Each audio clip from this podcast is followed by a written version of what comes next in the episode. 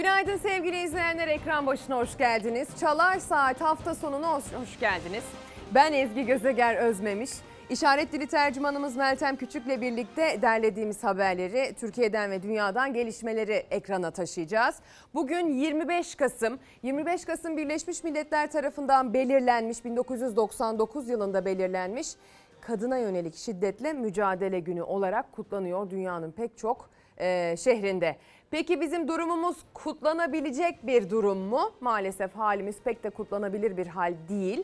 Buna dair pek çok etkinlik var, eylemler var. Bugün düzenlenmesi planlanan eylemler var sevgili izleyenler. Biz de bununla ilgili bilançoyu ortaya koymaya niyetliyiz ilerleyen dakikalarda. 25 Kasım'larda bir fırsat biliyoruz böyle günleri. Kadına yönelik şiddet konusunda ülkenin geldiği yer özellikle son dönemde maalesef tartışmaya açılan medeni kanun, anayasa tartışmaları, kadınların hak kazanımlarının yıl yıl ellerinden alınıyor olma durumu ve riskin giderek büyümesi. Bunların hepsini Türkiye Kadın Dernekleri Federasyonu Başkanı Canan Güllü ile ilerleyen saatler içerisinde konuşacağız. Biliyorsunuz biz uzun bir sabah programıyız. Aynı zamanda bugün bolca Fatih Terim tonu fonu olarak adlandırılan böyle bir isimle e, anılan durumdan da bahsedeceğiz. Dilan Polat meselesiyle ilgili şaşkınlığımız henüz tam olarak geçmemişken nasıl oldu da bu iş buradan buraya geldi noktasında hala ağzımız açık bir şekilde olayı takibi sürdürüyorken bir de futbolcuların ve aynı zamanda imparator lakaplı e, hani böyle bir nam salmış teknik direktör Fatih Terim'in de isminin geçtiği bir dolandırıcılık mevzusu var. Kim kimi dolandırdı e, sevgili izleyenler? Kim neden bu parayı kime elden verdi? Bu elden verme ne kadar masum? E, bunların hepsi ilerleyen dakikalarda hem detaylı anlamda bilgi aktaracağımız hem de sizinle birlikte beyin fırtınası yapacağımız bir konu başlığı olacak. Peki başka ne var? CHP'den, İyi Parti'den hem İyi Parti'nin iç meselelerinden hem de muhalefetin ittifaka dair attığı adımlardan verdiği mesajlardan da bahsedeceğiz. Önümüzdeki hafta itibariyle trafik başlar dedi CHP'nin yeni genel başkanı Özgür Özel. İttifak meselesi sorulduğunda tabiri caizse Meral Akşener'in tüyleri adeta diken diken oluyor. İstemiyorum diyor. Mansur Yavaş devreye girdi. Ekrem İmamoğlu devreye girmeye hazırlanıyor. Bakalım neler olacak o cepheye de bakacağız. Tabii aynı zamanda İyi Parti'nin içinde nelerin döndüğünü de anlamaya çalışacağız. Ama dip toplamda çıkan e, sonucu en başta söyleyeyim sayfanın ortasından. AK Parti yani hükümet eden parti Cumhurbaşkanı Erdoğan'ın partisi yerel seçime hazırlıklarını tam gaz sürdürürken muhalefet yine kendi içinde karma karışık sevgili izleyenler. Dip toplamda en son söylenecek olan da bu galiba. Gazze meselemiz var. Biliyorsunuz bir ateşkes söz konusu. Gazetelerde de pek çok farklı gazetede de bunun e, manşetten ilk sayfadan aktarıldığını görüyoruz. Milliyet gazetesi Gazze meselesini manşete taşıyan gazetelerden bir tanesi. Katliama takas molası 4 günlük ateşkes başladı diyor Milliyet gazetesi. Hamas'ın 10 Taylandlı, bir Filipinli ve 13 İsrailli rehineyi Kızılhaç'a teslim etmesinin ardından İsrail'de 39 Filistinliye serbest bıraktı deniyor. Biliyorsunuz İsrail'in e, hapishanelerinde tutulan 39 tane Filistinlinin tut, e, tutsak olması ve dün itibariyle serbest bırakılması bekleniyordu. İlerleyen dakikalarda o kavuşma anlarını ekrana taşıyacağız ama isterseniz bu ateşkese dair, bu 4 günlük ateşkese dair gelinen son güncel durumu aktaralım önce.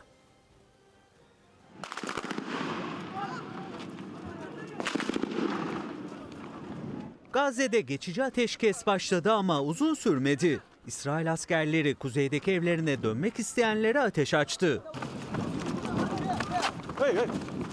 7 haftadır aralıksız bombalanan Gazze'de silahlar sustu. Hamas ve İsrail arasında 4 gün sürecek geçici ateşkes başladı. İsrail ordusu son ana kadar Gazze'yi vurdu. Birleşmiş Milletler Okulu ve mülteci kampı bombalandı. 30'dan fazla kişi hayatını kaybetti. Ateşkese dakikalar kala Şifa Hastanesi de hedef alındı. Hastane yerleşkesinin bir bölümü tünel bahanesiyle havaya uçuruldu. Çatışmaların durmasıyla Gazze şeridi hareketlendi. Bombalardan kaçıp güneye sığınan binlerce kişi kuzeydeki evlerine gitmek için yollara düştü. İsrail askerleri kalabalığa ateş açtı. Bir kişi hayatını kaybetti. Ayaklarından vurulan onlarca kişi yaralandı. İsrail ordusu kuzeye gitmek isteyenlere havadan bildiri attı. Güvenliğiniz için güneyde kalın yoksa hedef olursunuz diye tehdit etti. Geçici ateşkes kapsamında yardımlarda ulaştırılmaya başladı. Yakıt tankerlerinin yanı sıra insani ve tıbbi yardım taşıyan çok sayıda tır refah sınır kapısından Gazze'ye geçti. 39 rehineyi İsrail sonunda dün akşam saatleri itibariyle serbest bıraktı. Ee, Filistin tarafından da serbest bırakılanlar oldu. Yani Hamas tarafından da serbest bırakılanlar oldu sevgili izleyenler. Ee, buna dair haberi birazdan aktaracağız. Ama bu hafta sıcaklıkların düşeceği hafta. Hafta boyunca yetkili yetkisiz pek çok ağızdan bu haftaya dair pek çok bilgi, meteorolojik bilgi duymuşsunuzdur diye tahmin ediyorum. Tekrar uyarım yapayım. Meteorolojik bilgiyi meteorolojiye dair eğitim almış insanlardan aldığınıza lütfen dikkat edin. Sosyal medya ünlüsü olmuş sağa sola saldıran tiplerden kar geliyor deyip de ünlü olmaya çalışanlardan meteorolojik bilgi alırsanız aa meteoroloji yanıldı dersiniz. Sonra kabak bizim başımıza patlar. Onu baştan söyleyeyim. Şimdi e, önce e, Şenaz ablacığım bence haberi izleyelim. Havaya dair nerede ne yaşandı, ne bekleniyor bir toparlayalım haritanın başına geçelim sonra.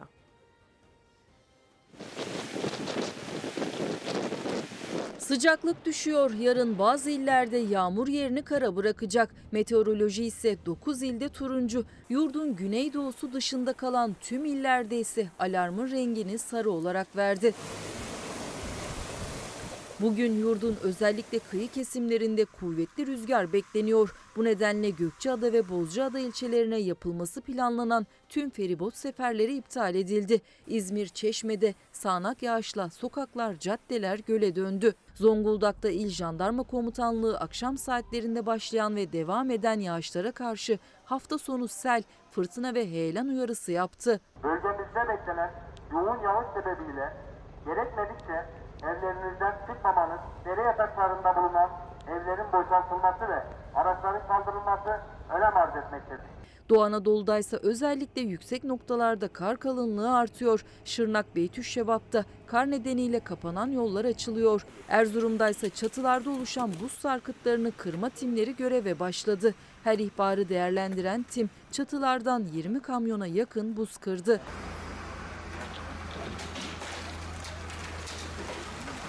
Bugün ve yarın yurdun neredeyse tamamında yağmur var. Yarın sıcaklıkta ani düşüş yaşanacak. Özellikle yurdun batısında 10 dereceyi bulacak sıcaklık düşüşü. Rüzgar kuvvetli esecek. Sel, su baskını, yıldırım, yerel dolu yağışı, hortum oluşma riski gibi olumsuzluklara karşı dikkatli ve tedbirli olunması gerekiyor.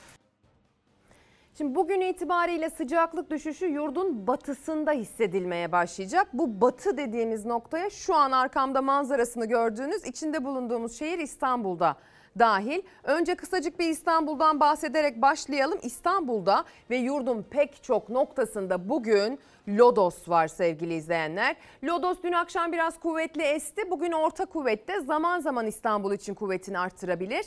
Ee, ama lodos sadece uçma, kopma, devrilme, fırtına e, ya bağlı sıkıntılar yaratmaz. Soba ve şofben kullanımı konusunda da bacaların geri tepme riskini de arttırır.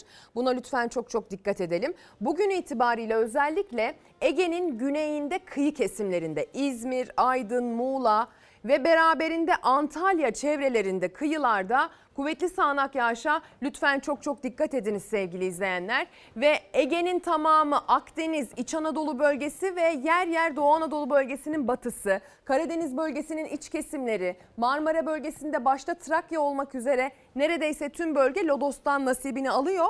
Bu Lodos fırtınası zaman zaman saatteki hızını 60-70 kilometreye kadar çıkarabiliyor.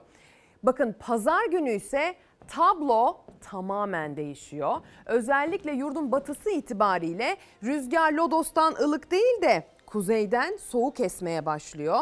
Yeni bir yağışlı hava dalgası yurdun batısından Mar yani Balkanlardan itibaren yurdu etkisi altına almaya başlayacak. Yarın Trakya'da, Kıyı Ege'de yine iç kesimlerine de hatta Ege'nin katabiliriz. Akdeniz bölgesinin batı kesimlerinde, iç kesimlerinde işte Isparta'yı, Burdur'u da içine alacak şekilde. İç Anadolu bölgesinde, Doğu Anadolu bölgesinin batısında yani Orta Anadolu'nun genelinde diyebileceğim bir tabloyla kuvvetli sağanak yağış riski var. Soğuma da Marmara, Ege, Batı Karadeniz'i etkileyecek önce. Trakya'da mesela 7-8 derece birden sıcaklık düşebilir. İstanbul'da 8-10 derece birden sıcaklık düşebilir gün içerisinde. Ama işte mesela Ankara'da sıcaklık düşüşü 3-4 derece olur bugünden yarına. Ama e, pazardan pazartesi o sıcaklık düşüşü devam eder iç kesimlerde. Çünkü kademe kademe bu soğuk havanın etkisi iç kesimlere ve doğuya sokulacak. Yarın batıda Balkanlardan gelen soğuk havadan etkilenen ilk bölge Batı Karadeniz'i ile birlikte Trakya'sı ile birlikte Marmara, Kuzey Ege iç kesimler. Bu soğuk havayı biraz hissedecekler iç kesimler.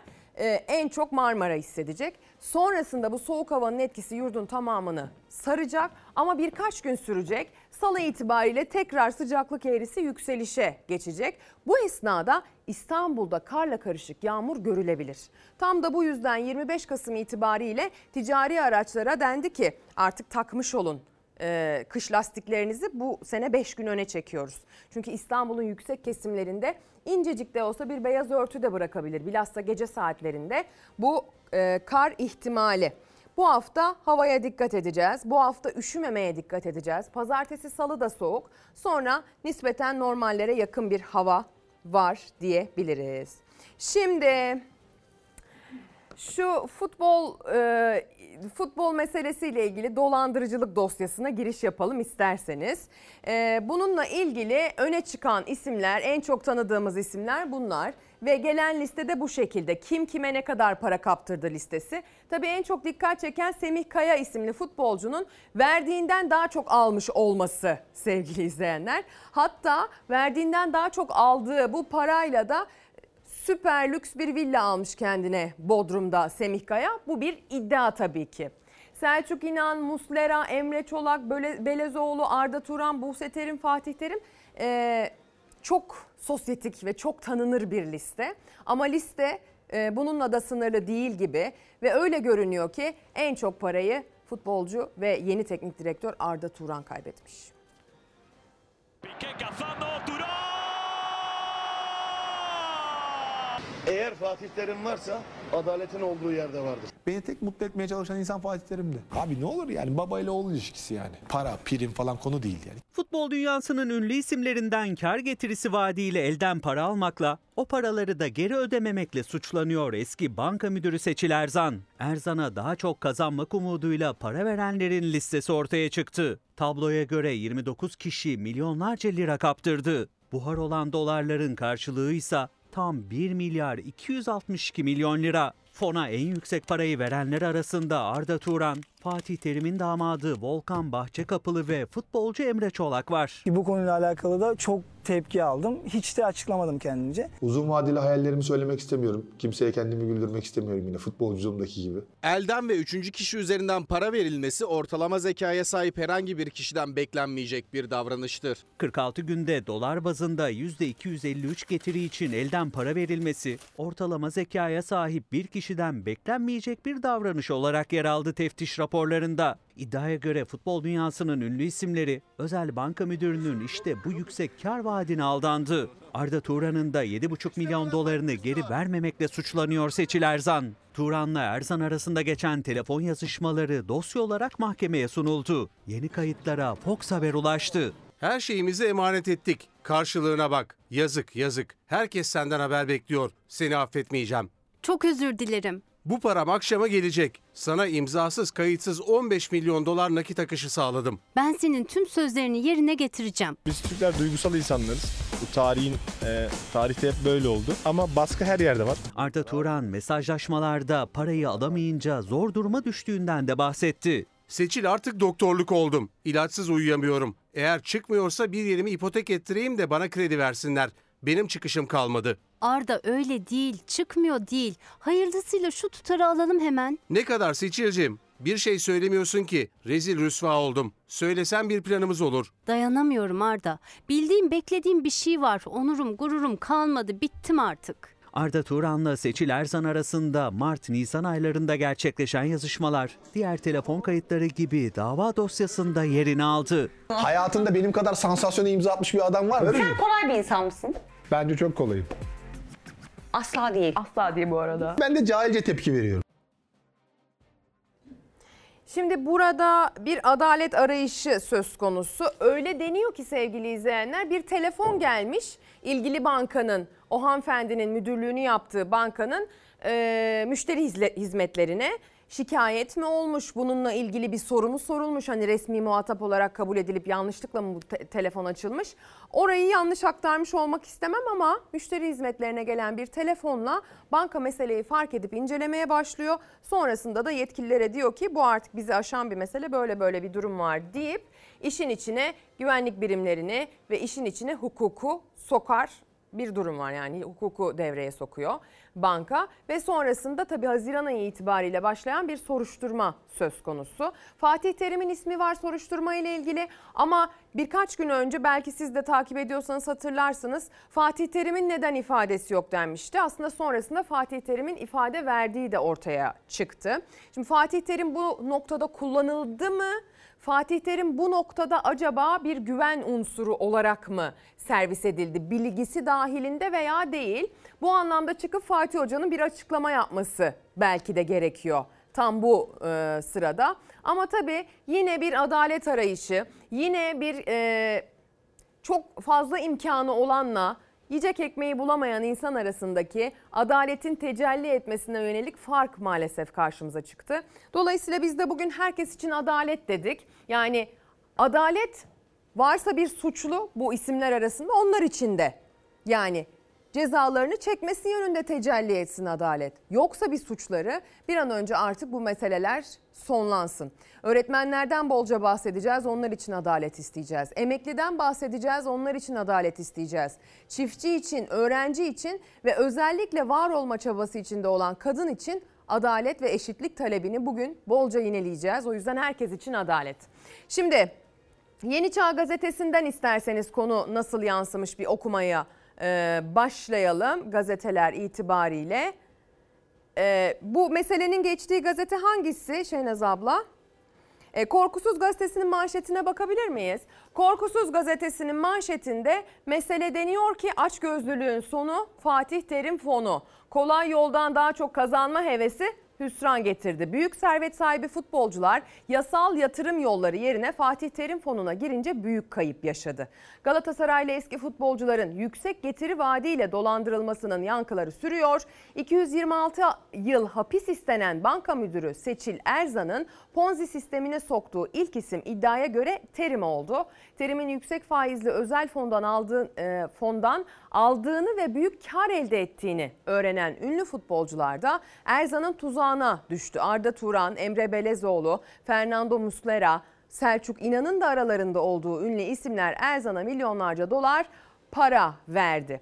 Yedi sülalelerine yetecek servetleri olan ünlü topçular yasal yatırım araçları varken daha çok kazanma hırsıyla terim fonuna girince büyük hüsran yaşadı. Fona 13 milyon 900 bin dolar yatıran Arda Turan 7 milyon 500 bin dolarla en çok kaybeden kişi oldu. Hadi hemen bu noktada şöyle yapalım. Sözcü gazetesiydi yanlış hatırlamıyorsam. Sözcü gazetesinin ikinci detayına bakalım. Arda Turan o parayı bu yolla değil de yasal yollarla büyütmeye çalışsaydı diye bir varsayımla bakın Sözcü diyor ki Arda parasını seçile değil kriptoya yatırsa ne kadar kazanırdı?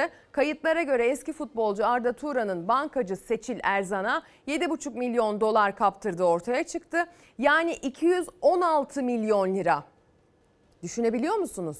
216 milyon lira. 10 milyon liradan ev aldığınızı düşünün 21 tane ev parası. 21 tane ev parası 10 milyon liradan alınmış evi siz düşünün artık. 216 milyon lira kaptırdığı ortaya çıktı. Bu parayı Bitcoin'e yatırsaydı TL bazında 11 ayda %247 kazanacaktı. Tebrikler diyoruz ve devam ediyoruz. Şimdi hayatın gerçeklerine gidelim mi? Bu sene sonunda enflasyonun ne olması bekleniyor? Önümüzdeki sene ne olması bekleniyor? Bunun üzerinden bir asgari ücret zammı ne olacak sorusu soracağız. Cevabı da var.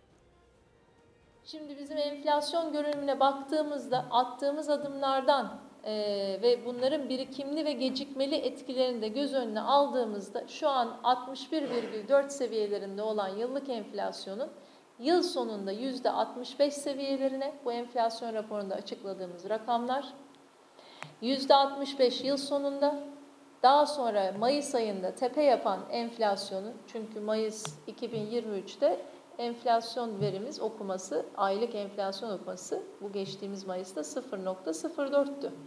Dolayısıyla baz etkisini de koyduğunuz zaman Mayıs 2024'te enflasyonun tepe noktasını yapmasını bekliyoruz.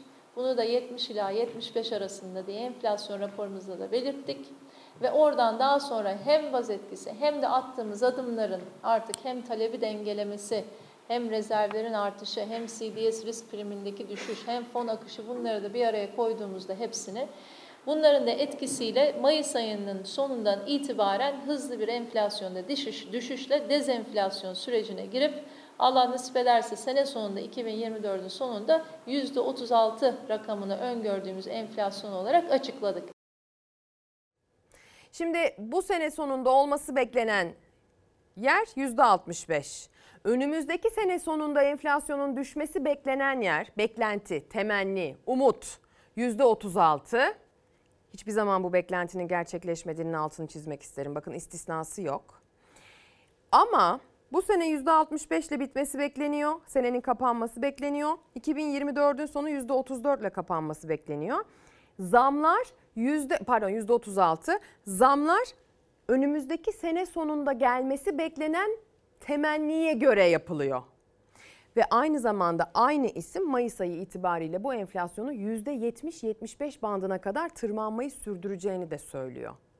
Varın siz düşünün bu noktada asgari ücret ne olsun sorusunun cevabını orta sayfada tartıştılar. Başka noktalarda bu anlamda teknik isimler medyaya mal olmuş e, teknik bilgi sahibi isimler de konuştu. Deneyimli gazeteci Deniz Zeyrek de orta sayfada konuştu. Bakın asgari ücretin ne olması bekleniyor? haftalardır örgütlü bir şekilde buna tepki Evet. gösterdiler. Medya da buna destek verdi. Biz de Fox Haber olarak oldukça destek verdik tıpkı EYT'de olduğu gibi ve bir sonuç verdi. Cumhurbaşkanı veya iktidar kayıtsız kalamadı. Evet. Yani şimdi benim gördüğüm kadarıyla Ankara'da hani meclis kulisinde şurada burada e, duyduğum kadarıyla asgari ücret 17.500 lira civarında olacak e, Ocak ayında. E, en düşük emekli maaşında böyle 10.5 o- işte 10.500 11.000 lira civarında bir rakama getirmek istiyorlar. E, ve son yani 17.500 olacak ve bir sonraki yılın Aralık ayına kadar öyle devam edecek. Buna hazırlıklı olsun herkes. Yani asgari ücretli çalışanlar 17.500 lira alacaklar. Ocak ayından itibaren Şubat'ta veriliyor galiba ilk zamlı Evet. maaş. Ve yıl sonuna kadar Aralık ayına 17,5'la kadar geçinecekler. 17.500 lirayla geçinecekler. En düşük emekli aylığı alanlar da e, 10.500-11.000 lira civarında bir yere gelecekler. Onlar da e, Temmuz ayına kadar öyle gidecekler. Emeklilere iki yani memurlar gibi iki kere enflasyon farkı falan hesaplanıyor. E, ama netice itibariyle öyle anlaşılıyor ki önümüzdeki sene enflasyon kontrol altına alınamıyor. Yani beklenen enflasyona göre zam yapıyorlar ama beklenen enflasyonun ne olduğu bile e, kendi açıklamalarında çelişiyor. Yani Doğru. %30 mu olacak, %66 mı olacak bunları göremiyoruz açıklamalarından birbiriyle çelişen açıklamaları var. E, Ben dolayısıyla e, buradan sevgili e, emeklilerimize, asgari ücretli çalışanlarımıza söylüyorum. Çok da umutlanmayın. Bu rakamları da not edin. Deniz Zeyrek söylemişti dersiniz. Ocak ayı itibariyle karşılaşacakları rakamlar bunlar ve enflasyon aynen devam edecek.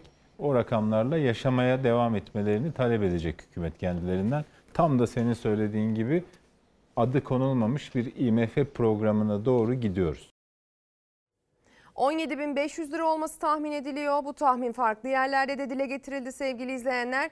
Ee, biliyorsunuz cuma akşamlarının en çok izlenen tartışma programı orta sayfada da Deniz Zeyrek tarafından dile getirildi. Asgari ücretin 17.500 lira olması, emekli maaşının da 11.000 lira bandında olması bekleniyor ve gördüğümüz kadarıyla bunu yaparken hükümet bir sonraki yılın beklentisine göre yapıp bir önceki yılın açığını en fazla telafi edebiliyor.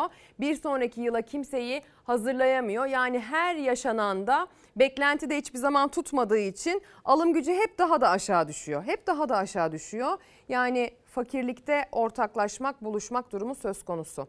Bir son dakika bilgisi bir operasyon. İçişleri Bakanı Yerlikaya yine bir operasyonun e, düğmesine bastı. Futbol ve diğer spor müsabakalarında bahis ve şans oyunları düzenlenmesi hakkında kanuna muhalefet ve suçtan kaynaklanan mal varlığı değerlerini aklama suçlarına yönelik İzmir merkezli 10 ilde eş zamanlı düzenlenen Siber Göz 7 operasyonunda 52 şüpheli yakalandı. Bakan Yerlikaya futbol ve diğer süper e, spor müsabakalarında bahis ve şans oyunları düzenlenmesi hakkındaki kanuna muhalefet suçundan e, düğmeye bastı. 52 şüpheli yakalandı. Geçtiğimiz günlerde de yine bir başka çetenin çökertildiğine dair e, bilgiyi aktarmıştık.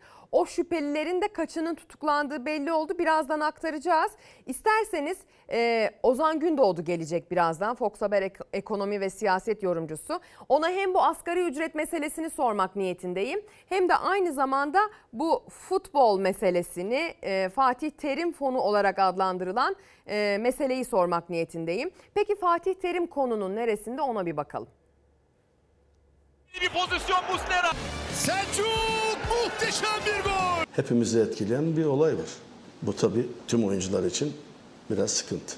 Futbol dünyasının ünlü isimlerini dolandırdığı iddia edilen Seçil Erzan mahkemede Fatih Terim'den 300 bin dolar aldığını söylemişti. Hatta parası buhar olan futbolcuları da banka müdürüyle Terim'in tanıştırdığı iddia edilmişti. Adı alacaklı tablosunda geçmeyen, dava dosyasında yer almayan Fatih Terim'in ifade verdiği ortaya çıktı. Ünlü teknik direktör savcılık ifadesinde Seçil Erzan'ı tanıdığını ama fonla ilgisinin olmadığını söyledi. Bu fonla alakalı Seçil Zan'a hiç para vermedim. Bahsedilen fonla yakından uzaktan ilgim yok. Olayı duyunca paramı eşimin hesabına aktardım. What can I do? Sometimes. 2020 yılında Galatasaray camiasında saygın biri 300 bin dolar para vermişti. Elden teslim etti. O parayı değerlendiriyordum. Bana verdiği paradan çok çok fazla istemeye başlayınca hayır diyemedim. İstediği zaman 50-100 bin gibi ona geri gönderiyordum. Kimdi o isim? Fatih Terim. Seçil Erzan'ın Fatih Terim'den para aldım ifadesinin ve iddiaların aksine fondan haberi olmadığı yönünde savcıya ifade verdi Fatih Terim. Ünlü teknik adam Seçil Erzan'ı sadece banka müdürü olarak 5-6 yıldır tanıdığını söyledi. Bütün bankacılık işlemlerimi birlikte çalıştığım bankada çalışanlar yönetmekteydi. Bir takım belgelere imza atmam gerektiğinde ise zaman zaman Seçil Erzan yanıma gelip Florya'daki tesislerde veya evime gelerek imzamı alırdı. Bu fonla alakalı Seçil Erzan'a hiç para vermedim. Ve ondan sonra olan bütün hadiselerin sebebini ben kendisi olarak görüyorum. Adil olun ya.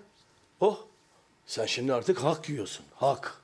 Terim, dolandırıcılık söylentilerini duyduktan sonra bankadan tüm parasını talep ettiğini anlattı. Bankaya sinirlendim ve bankadaki tüm paramın eşim Fulya Terim'in farklı bir bankadaki hesabına aktarılmasını istedim. 219.300 dolar ve 47.400 liranın eşimin hesabına geldiğini tespit ettim. Fakat 3 milyon dolar halen gönderilmedi. Hak yiyip gak diyenlere gecemizi gündüzümüze karıştırıp inancımızı daha çok artıranlara tekrar geçmiş olsun. Hesabındaki paranın 3 milyon dolar eksik olduğunu ifadesinde vurgulayan Terim, usulsüzlük yapanlardan şikayetçi olduğunu da söyledi. Ne olduğunu, nelerin ne hangi durumlar başka yerlerde. Ben gizli gündemim yok benim. Bu süreç uzayacak. İnanın dedi bu bir haftada dedi bıçak kesiği gibi kesilecek. Sadece dedi üstüne gitmeyin. Seçil Erzan'a 190 bin dolar parasını kaptıran Fatih Terim'in kızı Buse Terim Bahçekapılı'nın da ifadeleri ortaya çıktı. Fatih Terim'in haberim yoktu dediği fona kızı parasını nasıl aktardığını anlattı ifadesinde. Kendisi halamın oğlu Terim Arıcan aracılığıyla bana ulaştı. Terim o gün bana 20 civarı güvenilir kişinin de dahil olduğu bir fon bulunduğunu ve yüksek gelir getirisinin olduğunu söyledi. Ben de kişisel paramı iyi bir yatırım yapacağımı düşünerek bu fona aktardım. Hiç öyle bir durumda değilim. Kusuruma bakmayın. Beni anlayışla karşılayın. Her sorunuza cevap veririm. Yazıklar olsun. Söyleyecek başka hiçbir kelimem yok. O kadar sinirli ve moralim bozuk yani. Hiç tadım yok yani. Tabii Fatih Terim'in arşiv sesleriyle arkadaşlarımız haberi hazırlıyorlar ama çok da yerine göre sesler kullanılmış. Hoş geldin Ozan Hoş Gündoğdu. bulduk Ezgi. Nasılsın? İyi sen nasılsın? Ben de iyiyim. Dilan Polat rüzgarının sersemliğini atamamışken şimdi bir de bu futbolcuların rüzgarı bizim Evet. bir başımızı döndürdü. E, miktarlar inanılmaz. Türk lirasına çevirmeden ne anlama geldiğini anlayamayacak kadar fakiriz. yani Türk lirasına da çevirmemek lazım. Çünkü Türk lirasına çevirdiğimiz zaman finansal hafızamız yok oluyor. Mesela bazen işte bu dolandırıcılık vakalarında Türk lirası cinsinden zikrediliyor. Bakıyorum atıyorum diyor ki 100 milyon liram dolandırılmış ama 100 milyon lira 2018 yılında 100 milyon lira. E şimdi sürekli o fiyatların anlamı değişiyor. O yüzden dolar bazında ifade etmek nitekim zaten verilen Zaten para da dolar dolar cinsinden. Dolayısıyla dolar bazında ifade etmek daha doğru geliyor bana. Yani dolar bazında ifade ettiğimiz zaman şimdi Türk lirasının anlamı yıldan yıla çok hızlı değiştiği için dolar yine de aşağı yukarı yerinde Aynen. sabit kalan bir değere sahip, alım gücüne sahip. Dolayısıyla herhalde evet haklısın bu anlamda. Belki de buna alışmamız lazım da işte günlük hayatta çok kullanmadığımız miktarlar olduğu için. Şimdi ben şunu sorarak başlamak istiyorum.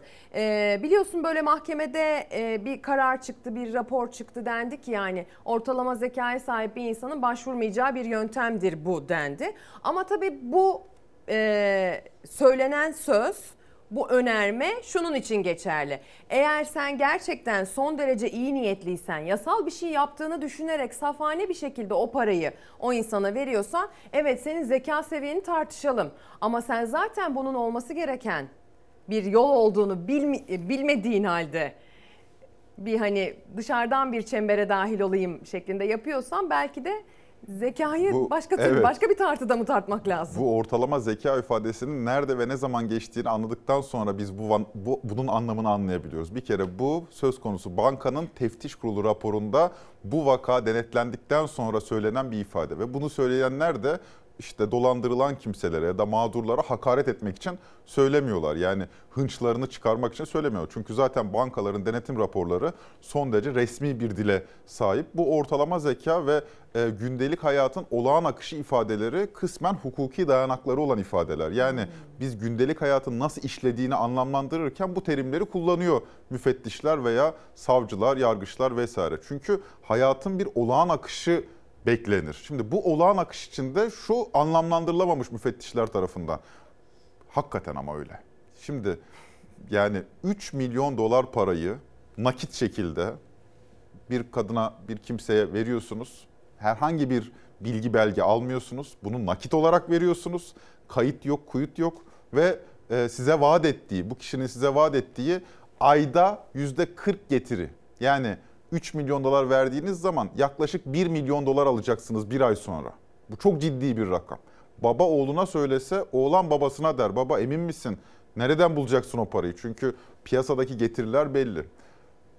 Şimdi bunu veriyorsunuz. Bir ay sonra gerçekten de Arda'nın başına gelen bu. 3 milyon doları getiriyor, Seçil Erzan'a veriyor. Bir ay geçtikten sonra Seçil Erzan 1 milyon dolar parayı kar payı olarak Arda'ya teslim ediyor. Bu Ponzi sisteminde buna bal tuzağı deniyor. Bal tuzağı. Çünkü siz direkt parayı alır almaz kaçarsanız geri gelen yeniden gelecek olan paradan vazgeçmiş olursunuz. Arda da anladığım kadarıyla o 1 milyon dolarlık balı bal da hoşuna gidiyor. Sonra 4 milyon dolar daha getiriyor. Sonra bir 4 milyon dolar daha getiriyor. Hatta sıkışıyor.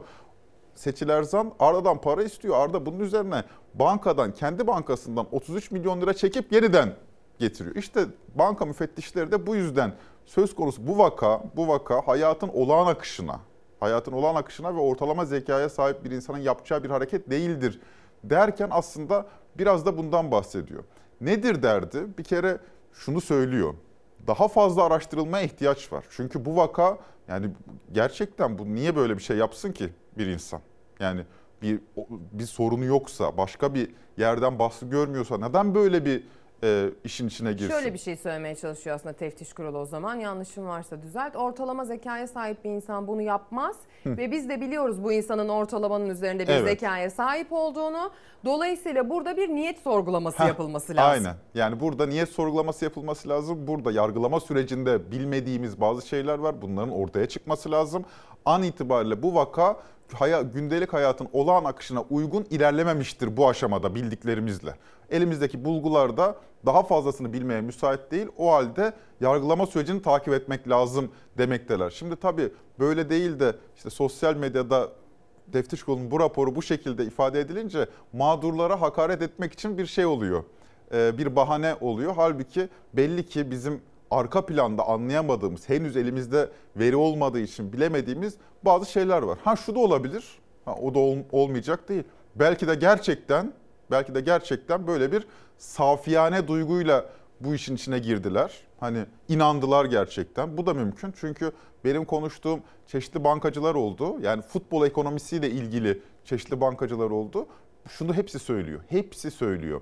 Bir kere futbolcular e, hayatları boyunca parayla pulla doğru düzgün ilişki kurmuş insanlar değiller. Çünkü bu insanlar bu parayı ticaret yaparak, ekonominin içinde bulunarak kazanmadılar. Bu insanlar bu parayı yetenekleri sayesinde, futbol yetenekleri sayesinde kazandılar ve parayla pulla kurdukları ilişki diğer ticaret insanlarından, aynı ölçekte para kazanan diğer ticaret insanlarından daha farklı. O yüzden bu konuda iş yapan bankacılardan dinlediğim hikaye şu. Evet futbolcular bu konularda çok saf olur.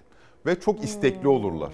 Yani neden istekli olurlar? Çünkü hayatlarını kazandıkları dönem 20'li yaşları ve 30'lu yaşları ve futbolcuların profesyonel hayatları boyuncaki temel endişeleri futbolu bıraktıktan sonraki finansal durumlarını sürdürmektir. O yüzden daha 20'li yaşlarında, 30'lu yaşlarında onların etrafında onların parasını alıp bir şekilde onları kandırmak için etrafında dolanan böyle çeşitli kalpazanlar bulunur zaten 20'li 30'lu yaşlarından da. Bu nedenle futbolcuların parasını dolandırmak kolaydır. Çünkü bir endişeyle yaşıyorlar bu insanlar. Bu endişeyi sömürür karşı Bu endişe, taraf. heh, bu endişeyi, bu endişe sömürülmeye çok müsait bir endişedir. O yüzden herkes bilir ki parasını bir dolandırıcı varsa işte bu dolandırıcı için çok kolay bir yem olur futbol dünyası. Anladığım o ki, anladığım o ki bu vakada da böyle bir va- vaziyet var. Yani o noktada işte Florya tesislerinin yanındaki bir banka şubesinin müdürü olarak Seçil Erzan e, evet demiş. Yani biz burayı burayı çırpabiliriz. Ee, Seçil Erzan parayı büyütmek için herhangi bir şey yaptı mı sence? Parayı büyütmek için derken Mesela aldım parayı ben. Ben diyelim ki Seçil Erzan'ım tövbe estağfurullah. Aldım senden, e, sen de futbolcusun. E, ben sana dedim ki yani yalan söyledim. Böyle bir e, seçkin insanların dahil olduğu bir fon var. Bak Fatih Hoca da buradan kazandı. Gel senin de paranı alalım büyütelim dedim. Ben acaba orada ne yapıyorum? Yani borsaya mı yatırıyorum? Getiri garantisi olduğunu bildiğim araçlarla o parayı Anladım. büyütmeye çalışıyor muyum? Mesela, ya da mesela şu an bende hiç para yok diyor zannedersem Hı hı. Seçil Erzan. Öyle diyor. Ee, ya da acaba 10 yıl yatıp çıkacak sonrasında çok müthiş bir hayat mı yaşayacak? Şimdi 10 yıl mı yatar bilmiyorum. 216, Misal. 216 yılla yargılanıyor. Yani Seçil Erzan da kendi kanaatim bu. Belki de farklıdır bilmiyorum. Ama e, gerçekten para yok gibi görünüyor. Çünkü çeşitli aşamalarında artık öyle bir batağa saplanıyor ki Seçil Erzan'da çeşitli aşamalarda artık kendi malını mülküne de satarak bu borçları kapatmaya çalışıyor. Şimdi Seçil Erzan'ın kendi ifadesinden yola çıkarak ortaya çıkan hikaye şu. Kendisi 2000 yılında bankanın Çorlu şubesine müdür oluyor. 10 yıllık başarılı bir kariyer. 2010 yılında Bahçeşehir şubesine müdür oluyor. Bu zamana kadar da herhangi bir usulsüz işi yok. Fakat 2011 yılında teyzesinin oğlunun tavsiyesi üzerine 1 milyon liralık bir borsa yatırımına giriyor. Fakat bu 1 milyon lirayı batırıyor. Bunun ardından zaten kendisi de bunu söylüyor. Ben 2011 yılında borsada 1 milyon lira batırdıktan sonra o 1 milyon lira 2011 yılının 1 milyon lirası. ama. Bir de. Heh, yani o TL işini söyleyelim. Ben bunu batırdıktan sonra İşte bu yüzden diyor ki Ozan Gündoğdu dolarla, Dolarla konuşun. konuşun, aynen. Çünkü- TL ile konuşunca böyle dipnot düşmek çünkü gerekiyor. o tarih itibariyle 750 bin Gülüyoruz dolar falan yapıyor. halimize. Bunun üzerine etrafından para toplamaya başlıyor. Fakat 2011 yılının sonunda bir atama daha gerçekleşiyor bankada. Bankanın Florya şubesine müdür olarak atanıyor. Şimdi bu bu aşamadayken bu aşamadayken şu ortaya çıkıyor. Şimdi etraftan para topluyor. Fakat bu parayı bir ponzi sistemini döndürmek için toplamıyor. Gerçekten de bu noktada kaldıraçlı işlemler yaparak ne bileyim Bitcoin'e yatırarak, borsaya yatırarak, kaldıraçlı yüksek risk getiren işlemler yaparak aslında bir nevi tırnak içinde tefecilik yapıyor. Yani sen benden para, ben senden para satın alıyorum %30'la, başkasına satıyorum %40'la. Bir ponzi sistem değil bu. Bir tefecilik faaliyeti yürütüyor ve bu tefecilik faaliyeti 10 yıl kadar aksamadan ilerliyor. Bir de imzalı kağıtlar var o zaman gördün E, mü? tabii. Çok komik değil mi? E çünkü şöyle tefecilik Reklam falan var kağıdın altında. Evet. Bir, işte reklam e, defterinden yırtılmış falan. Onun üzerinde imzalanmış. Şu kadar para aldım verdim. Bu, bu, bu, bu şöyle bu muvazı tefecilik yasa dışı bir işlem. Yani bizde bu para alma para satma işlerini bankacılık kesimi üstlenir. Bankerlik mesleği yasaklanmıştır. Ben kafama göre hadi ben para alıyorum para satıyorum diyemezsiniz. Ama belli sözleşmeler yapabilirsiniz. Mesela sen benden para aldın bunu bir sözleşmeyle karşılıklı şey yapabiliriz. Kayda, kayda geçirebiliriz. Seçil Erzan da bu sürece kadar aslında bir ponzi sistemi yaratmıyor ama tefecilik faaliyeti yapıyor. Ondan alıyor, ona veriyor, ondan alıyor, buna veriyor. Bankanın paralelinde yapıyor bir de bunu. Yani banka zaten banka faaliyetinin paralelinde bir başka borç alma verme ilişkisi yürütüyor. Fakat ne zaman iş patlıyor? Söz konusu bu tefecilik faaliyetinden kazandığı paranın bir kısmı batmaya başlayınca borçlular ki bunların içinde mesela Semih Kaya da var, alacaklılar pardon ya da işte Ayhan Apman da var. Ee, bu kişiler Seçil dayanıyor. kapıya dayanıyor. Hadi diyorlar bizim paramızı ver. Şimdi bu aşamadayken, bu aşamadayken para yoksa ne yapacaksınız? İşte burada 2022 yılının Aralık ayında bir Ponzi sistem kurmak zorunda kalıyor. Ne demek bu Ponzi sistem? Şu demek. Ponzi sistem kapalı bir sistemdir. Kapalı bir sistem. Sistem büyüdükçe hiçbir sorun yoktur. Fakat sistemin büyümesi durdu- durduğu zaman iş patlar. Ne yapıyorsunuz çünkü? Eskinin borcunu yeni gelenin ana parasından ödüyorsunuz. Sürekli eski şimdi eskinin borcuna ben diyorum ki Arda'ya ayda yüzde 40 getiri. E böyle bir para yok. Peki nereden bulacağım ben o yüzde 40 getiriyi? Yeni gelenin parasını Arda'ya veriyorum. Şimdi yeni gelenin parasını Arda'ya verdim de yeni gelene yeni gelene olan taahhüdümü ne yapacağım? Onu da diğer yeni gelenden alacağım. Peki yeni gelen olmazsa sisteme? Sisteme yeni gelen olmazsa sistem baş aşağı patlıyor. Son girenler bu noktada Arda ile Emre son girenlerden bir tanesi. Son girenler paraların üzerine soğuk su içiyorlar. İşte bu Ponzi sistemi ilk 10 yıl 2011 yılından 2021 yılına kadar aslında bir tefecilik faaliyeti var ortada. Fakat bu tefecilik faaliyetinden ortaya çıkan zararın üzerine alacaklıların kapaya dayanmasının ardından çünkü Seçil Erzan darp da edilmiş. Evet. Yani bir Alındığında intiharın eşindeymiş Tabii. de- diyenler var. Tabii yani bu aşamada bir son çare olarak bir Ponzi sistem kuruyor ve Ponzi sisteminde ilk kişisi olarak Fatih Terim oraya yazıyor. Fakat bu noktada Fatih Hoca'nın durumdan haberdar olup olmadığı bu bir soru işareti. Ben kendi kanaatim. Bu yaşa gelmiş, bu itibarda bir kişinin bu işe haberli olarak girmeyecektir. Yani Seçil Erzan bir şekilde ondan para almıştır ve o parayı, o parayı e, referans ederek çünkü neden E, Fatih Terim itibarı, ismini kullandığınız zaman başkaca insanların da bu işe daha kolay güvenmesini sağlarsınız. Nitekim zaten bu ponzi işleri yürütenler büyük reklamlar yapacaklar ki itibar kazansınlar. O noktada işte bu fonun adına 2022 Aralık'ta ortaya çıkan bu fonun adına Fatih Terim fonu olarak tanıtmaya başlıyor söz konusu bu çevre. Fatih Terim fonu olarak tanıtılınca futbolcular arasında da ilgi görüyor. Aa, Tabii. Fatih Hoca'nın güvendiği, Fatih Hoca'nın bildiği bir fon var. Bu parayı oraya yatırmışsa bir bildiği vardır. Ama Buse Terim de diyor ki Fatih Terim'in kızı. Ben kuzenimden duydum. Ama burada zaten Kuzey... Babasına niye sormuyor dönüp ya böyle bir şey var diye. Ya orada da başka bir şey var. Zaten hani Fatih Hoca'nın uzun süredir zaten futbol dünyasında bulunması itibariyle akrabaları da futbol dünyasından. Örneğin işte kızının Buse Bahçekapı'nın eşi Volkan Bahçekapı, onun teyzesinin oğlu Emre Belezoğlu. Zaten hani bir, Ha, bir zaten. network zaten bu. E, ve anlaşılan o ki yani dava tutanakları Futbol bilgin. Va- dava tutanakları okunduktan sonra anlaşılma ki zaten bu paralar ya dava tutanakları da okumaya gerek yok. Bu paralar bu kişiler için hani şey diye söyleniyor. Malımız, mülkümüz gitti, beş parasız kaldık falan filan. Bence bu kadar acıklı değil hikaye. Ama çok büyük kayıp. Ya şimdi büyük kayıp.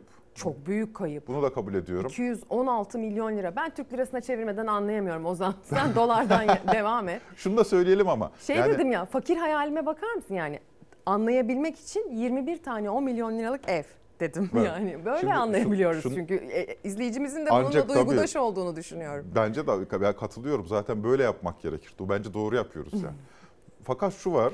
Mesela o sayılara hiç girmemek lazım. Çünkü sayılar an itibariyle afaki. Şimdi teftiş kurulu, bankanın teftiş kurulu mağdurları dinleyerek bir sayılar çıkarmış. Sonra Seçil Erzan dinlenerek bir sayılar çıkartılmış. Sonra savcılık başka bir sayılar çıkar. Anlaşılan o ki in- insanların canı yandıktan sonra alacaklarını büyütüyorlar.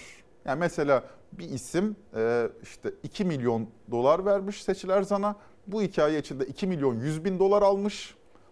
Ben de mağdurum diye dava listede. E sen niye mağdursun? Çünkü Seçil Erzan'ın bana vaat ettiği %85'lik getiriyi alamadım ben. E o zaten alama yani o zaten yalan olduğu daha O belli zaten değil mi? resmi bir taahhüt değil. Dolayısıyla Yani. o rakamlar içinde o da var. Yani benim de 1,5 milyon dolarım yok diyor. Yani benim şey yapmam gibi bir şey bu. Kendim uydurup o zaman bana 1 milyon lira para vereceğim dedi vermedi Aynen diye öyle. yani suç duyurusunda bulunmam gibi bir şey. Yürü git Aynen derler öyle. yani. Buradan tabii şuraya bağlanmasından korkuyorum bu meselenin. Şimdi bizim toplumumuzda böyle Yeşilçam'da örneklerini görerek büyüdüğümüz böyle bir e, zengin yani tırnak içerisinde bir zengin düşmanlığı vardır. Hatta insanlar parayla ilişkilerini dolayısıyla biraz yanlış e, oturtmuşlardır bu toplumsal e, kabul dolayısıyla. Yani zengin olmak, iyi insan olmakla aynı kefeye konmuyordur falan filan. Şimdi bu insanlar tabii ki yargılanacaklar anladığım kadarıyla. Yani ya da şöyle söyleyeyim umarım. E, herkes için adalet dedik bugün. Hani kim gerçekten e, soruşturulması gerekiyorsa soruşturulabilsin. Yani çok büyük isimler de soruşturulabilirsin yeri geldiğinde diye.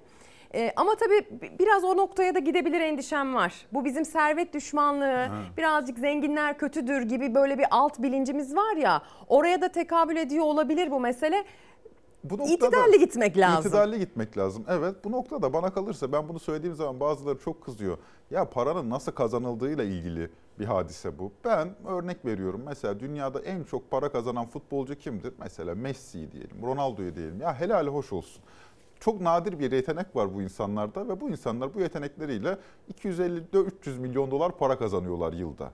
Kazansınlar. Türkiye'deki iri kıyım bir iş adamından daha az para kazanıyor. Herkesin dilinde olur ama bu futbolcuların kazandığı Hmm. para ama günün sonunda futbolcular gariban hayatlar yaşayan insanlardır ve 20'li yaşlarında hızla zenginleşirler ve biraz da şey davranmak lazım. Biraz da insani Hata yaklaşmak müsait lazım. oluyorlar E tabii, dolayısıyla. yani hani ilk taşı en günahsız olanınız atsın derler ya. Yoksulluktan gelip 20'li yaşlarında milyonlar milyon dolarlar kazanmak ve bunu hazmetmek ve bunu hazmettikten sonra sağlıklı bir e, duygu durum yaşayabilmek her baba yiğidin harcı değil. O yüzden Metin Oktay'ı ayrı anıyoruz. Değil mi? Yani bu, bu, bu işleri Metin Kurt'u ayrı anıyoruz. Yani her futbolcu bu işi beceremiyor maalesef. Ama beceremeyene de çok yüklenmemek lazım. Bence hani bu noktada böyle sosyal medyayı gördüğüm zaman çok ağır e, Çok. şeyler var. Bu kadar ağır olmaya da gerek yok. Yani yapacak bir şey yok işte. Fatih böyle Hoca bir- bir açıklama yapsın. Yapacakmış. Ee, Ee, ve hani büyük ölçüde de bir netleşme sağlanacaktır diye düşünüyorum. Çok bir dakikam kaldı Tamam. asgari ücret diyeceğim sana. ha evet. Yani, Asıl meselemiz. Ya o noktada- Yere inelim ayaklarımız yere bassın. O noktada şu kriz var. O kriz yani bir- sonraki şeye programa randevumuz olsun bunu konuşalım. Şu kriz var. Ciddi bir kira krizi var. Şimdi faizler çok yüksek olduğu için faizlerle kiralar arasında bir uyum beklenir. Mesela 5 milyon liralık bir evim olduğunu varsayalım. 5 milyonluk evim bugün 3 aylık vadeli mevduata yatırsam aylık 180-190 bin lira para kazanıyorum sevgili Ezgi. 5 milyon liralık evi kiraya versem eder 25 bin 30 bin. Dolayısıyla faizden elde ettiğim getiriyle kiradan elde ettiğim getiri arasında gittikçe büyük bir uçurum ortaya çıkıyor. Bu uçurumun yavaş yavaş kapanacağını biliyoruz. Yani ne demek o? Faiz getirisi bir süre daha artacak. Kira getirisinin de bir süre daha artması ve faiz getirisinden daha hızlı artması beklenir. Dolayısıyla piyasayı an itibariyle büyük bir kira krizi bekliyor. ev fiyatları artmayacak ama ev fiyatlarından daha hızlı şekilde kiralar artacak. Beraberinde beraberinde bu yüksek faiz nedeniyle bir durgunluk krizi ve bu durgunluğun yarattığı işsizlik ortaya çıkacak. İşsizlik ve kira artışları bir araya geldiği zaman bir sosyal kriz bu. Yani insanlar işsizken bu yüksek kiraları ödeyemezler. Dolayısıyla asgari ücret, asgari ücret düzeyini bana kalırsa bu kira düzeyini gözeterek belirlemek gerekir. 17.500 lira diye bir e, rakam dolaşıyor. İsterse 27 bin olsun, isterse 37 bin olsun, isterse 7500 liraya geri indirsinler. Yeter ki o kira meselesini çözsünler. Ama ortada konuşulan rakamlardan yola çıkarak söylüyorum. 2024 yılında isteniyor ki bir kere zam yapılacak. Hı hı. Bir kere zam yapılacak. Bir- Emekli maaşında da asgari ücrete. Aynen. Bunu da şu yüzden yaptıklarını düşünüyorum. Yani bu benim kanaatim, bildiğim ve konuştuklarımdan elde ettiğim izlenim o. Hemen uzatmadan farkındayım. Hemen onu söyleyeyim.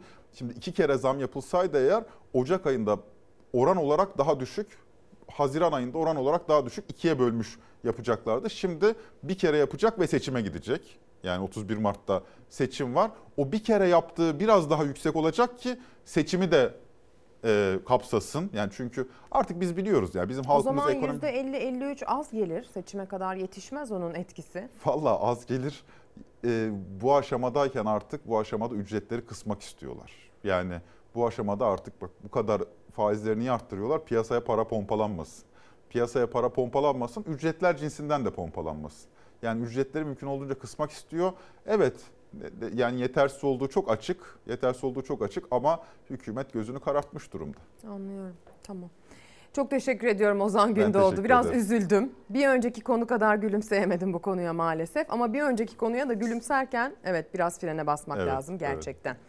Ee, Fox Haber ekonomi ve siyaset yorumcusu Ozan Gündoğdu yine her hafta olduğu gibi bizimleydi. Şimdi bir reklam arası sonra devam. Günaydın sevgili izleyenler. Bir kez daha Çalar Saat hafta sonuna ekran başına hoş geldiniz diyoruz. Hızla devam ediyoruz. Gazze-İsrail meselesinde biliyorsunuz Gazze'ye uygulanan e, adeta soykırıma varan katliamda 4 günlük ateşkes ilan edildi. Karar gazetesi manşetten ateşkes altında katliam diyor. Dünya kamuoyunun baskısıyla ateşkese mecbur kalan İsrail'in mutabakatı daha ilk saatlerde kağıt üstünde kaldı. Birlikler son saatlere kadar bomba yağdırdı. Bir yandan ilk aşamada 39 Filistinli rehinenin serbest bırakıldığı açıklanırken diğer yandan 4 günlük sürecin başlamasından sonra kuzeydeki evlerine gitmek için yollara düşen yüz binlerce sivilin üzerine ateş açıldı deniyor. İlk saatler itibariyle yayına başlarken kuzeydeki evine gitmeye çalışan Filistinlilere nasıl davrandığını, İsraillilerin nasıl ateş açıldığını göz göre göre gözlerini kırpmadan aktarmıştık. Şimdi isterseniz 39 Filistinlinin serbest bırakılması yani karşılıklı takas anlaşmasının nasıl gerçekleştiğine bir bakalım.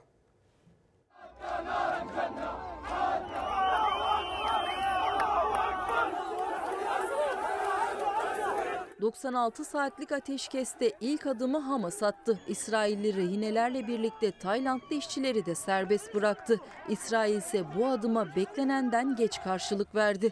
İsrail hapishanelerinde tutuklu bulunan 39 Filistinli serbest bırakıldı.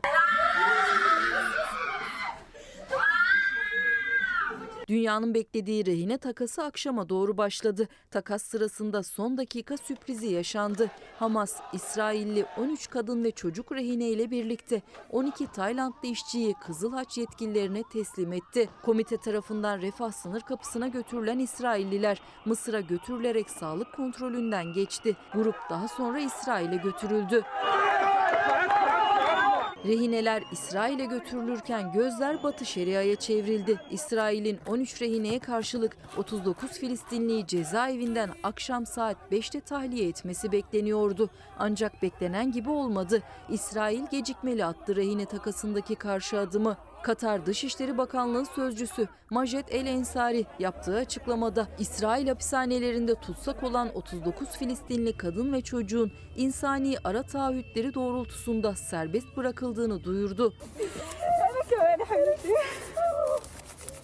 Batı Şeria'daki Ofer hapishanesinden serbest bırakılan Filistinli mahkumlar Ramallah'ın batısındaki Beytünya kasabasında coşkuyla karşılandı.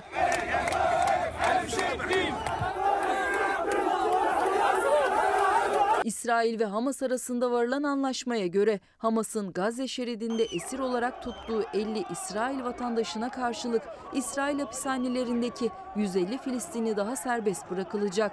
Her iki taraftan da serbest kalacak esirler kadın ve çocuklardan oluşuyor.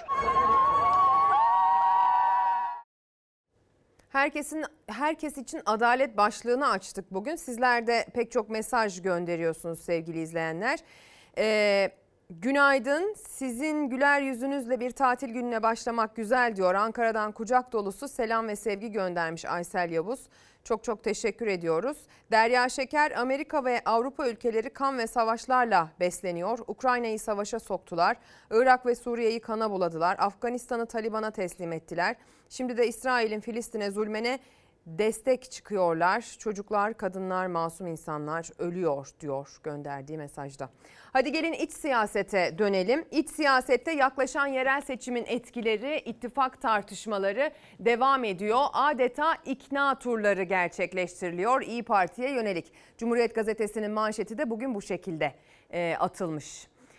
Yerel seçime yaklaşık 4 ay kala muhalefet kanadında görüşme trafiği hızlandı. ABB Başkanı Mansur Yavaş'ın ziyaret ettiği İyi Parti lideri Akşener'le İBB Başkanı Ekrem İmamoğlu da telefonla görüştü. İyi Partililer görüşmelerin içeriğini büyük şehirlerde ittifak arayışı olarak açıkladı.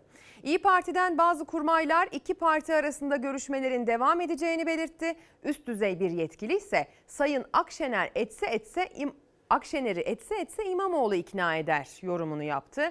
CHP lideri Özgür Özel ve Akşener'in de önümüzdeki günlerde yerel seçim gündemiyle bir araya gelebileceği ifade edildi diyor. Uğur Dündar'a verdiği röportajda CHP Genel Başkanı Özgür Özel haftaya başlar dedi. Görüşmeler bu anlamda yerel seçime yönelik işbirliği temasları. Hadi gelin ittifakta gelinen aşamada en son kim ne söyledi duyalım kendi kulağımızla. Sayın Genel Başkanımızla, onun deyimiyle Meral ablamla beraber pek çok zorluğu aşacağımıza inanıyorum. Bunun için de ne gerekiyorsa yapacağım. İzleyemedim. Güzel şeyler söylediğini söylediler o kadar biliyorum. CHP Genel Başkanı Özgür Özel'in abla diye hitap ederek yerel seçimde işbirliği cümlelerinden bir gün sonra Meral Akşener'in açıklaması Genel İdare Kurulu'nun yine 81 ilde aday çıkarma kararını hatırlattı. Hemen sonrasında teşkilat buluşmasındaki cümleleri daha keskindi. Hür ve müstakil olarak seçime gitme kararı aldık. O günden beri hem yandaşı hem candaşı valla bizi topa tuttular. Hiçbir iyi Partilinin bundan etkilenmesi mümkün değil. Tam tersine irademizi kavileştirir. Cumhuriyet Halk Partisi'nin biz marabası olmalıyız. Kendisini aradım, hal hatır sordum. Hem mevcut gündeme dair düşüncelerimizi paylaştık. İletişime açık olduğumuzu zaten kendileri de ifade etti. Böylesi bir dertleşme, sohbetleşme. İmamoğlu Akşener görüşmesi geçtiğimiz hafta sonu gerçekleşti. Ardından Mansur Yavaş'ın Akşener'e ziyareti ve Özgür Özel'in Sözcü Televizyonu'nda abla vurgusuyla işbirliği çağrısı. CHP İyi Parti hattı hareketlendi. İş yerel seçim olduğunda bir sorumluluğumuz var hep beraber. O sorumluluk da şu. Ben kazanmazsam, sen kazanmazsan, biz kazanmazsak o kazanacak. O kim? Recep Tayyip Erdoğan. Seçmen bizim ona kaybettirmemize tahammül edemez. O zaman ne yapacağız? Biz yerel seçimlerde işbirlikleri yapmalıyız. Bir karar alındı. Bakın oy birliğiyle almadık, oy çokluğuyla aldık. Bir yerde benim ona ihtiyacım varsa bir yerde de onların bana ihtiyacı vardır. Karşılıklı jestler iki tarafa da fayda, ülkeye fayda getiriyorsa kaybettirecek formüller üzerinde durmak bize yakışmaz. Önümüzdeki hafta trafiğin başlayacağını umuyorum. Bu noktada umutluyum. Rezervim, inadım, olumsuz yaklaşımım hiç olmadı. Bundan sonra da olmayacak. 28 Mayıs'ın ardından ittifak köprüleri atılmıştı İyi Parti CHP hattında. Ama CHP'deki değişimle birlikte Özgür Özel yeni bir sayfa açmakta kararlı. İşbirliği formülünü devreye sokmak için o da Akşener'in kapısını çalacak. İmamoğlu da Akşener'i ziyaret edecek. Bizler de konuşuruz, ziyaretler de ederiz. Kaldı ki bütün bu süreçlerle ilgili Sayın Özgür Özel'le de görüşerek süreçleri yürütüyoruz. Hem parti kültürümüze ve ahlakımıza uygun hem belediye başkanı olma kültürüne ve ahlakına uygun hem de ittifakın başlangıcından bitimine kadar sürecin kültürüne uygun davranma konusunda bizler hassas insanlarız. Meral Akşener CHP'den gelen açıklamalara rağmen işbirliği konusunda kapıyı aralamadı. Çanakkale Belediye Başkan adayını tanıttı. Burak Kunt.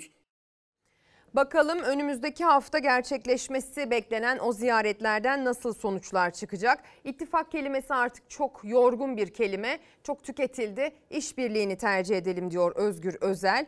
Bakalım eee, nasıl gerçekleşecek bu ziyaretlerin sonuçları diyorum ve Şimdi sizi geçtiğimiz hafta çökertilen bir çeteyle ilgili güncel habere götüreceğim. Yol Yemezler Çetesi diye bir çete. Haklarında 11 farklı suçtan soruşturma var. 3 farklı ilde eş zamanlı operasyon yapıldı. Çetenin lideri olduğu söylenen kişi yanında 3-4 kişiyle birlikte evdeki bir gizli bölmeden çıkarılmak suretiyle yakalandı. 25 gözaltıdan 22'si tutuklu.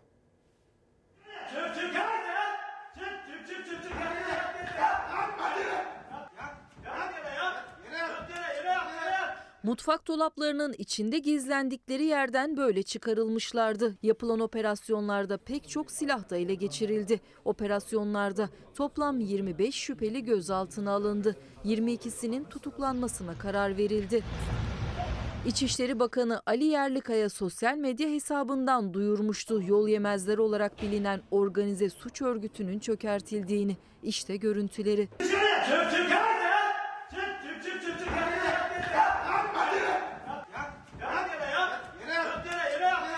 İstanbul Organize Suçlarla Mücadele Şube Müdürlüğü'nün 3 farklı ilde eş zamanlı operasyonlarla ele geçirdiği şüphelilerin yasa dışı sanal bahis oynattıkları belirlendi.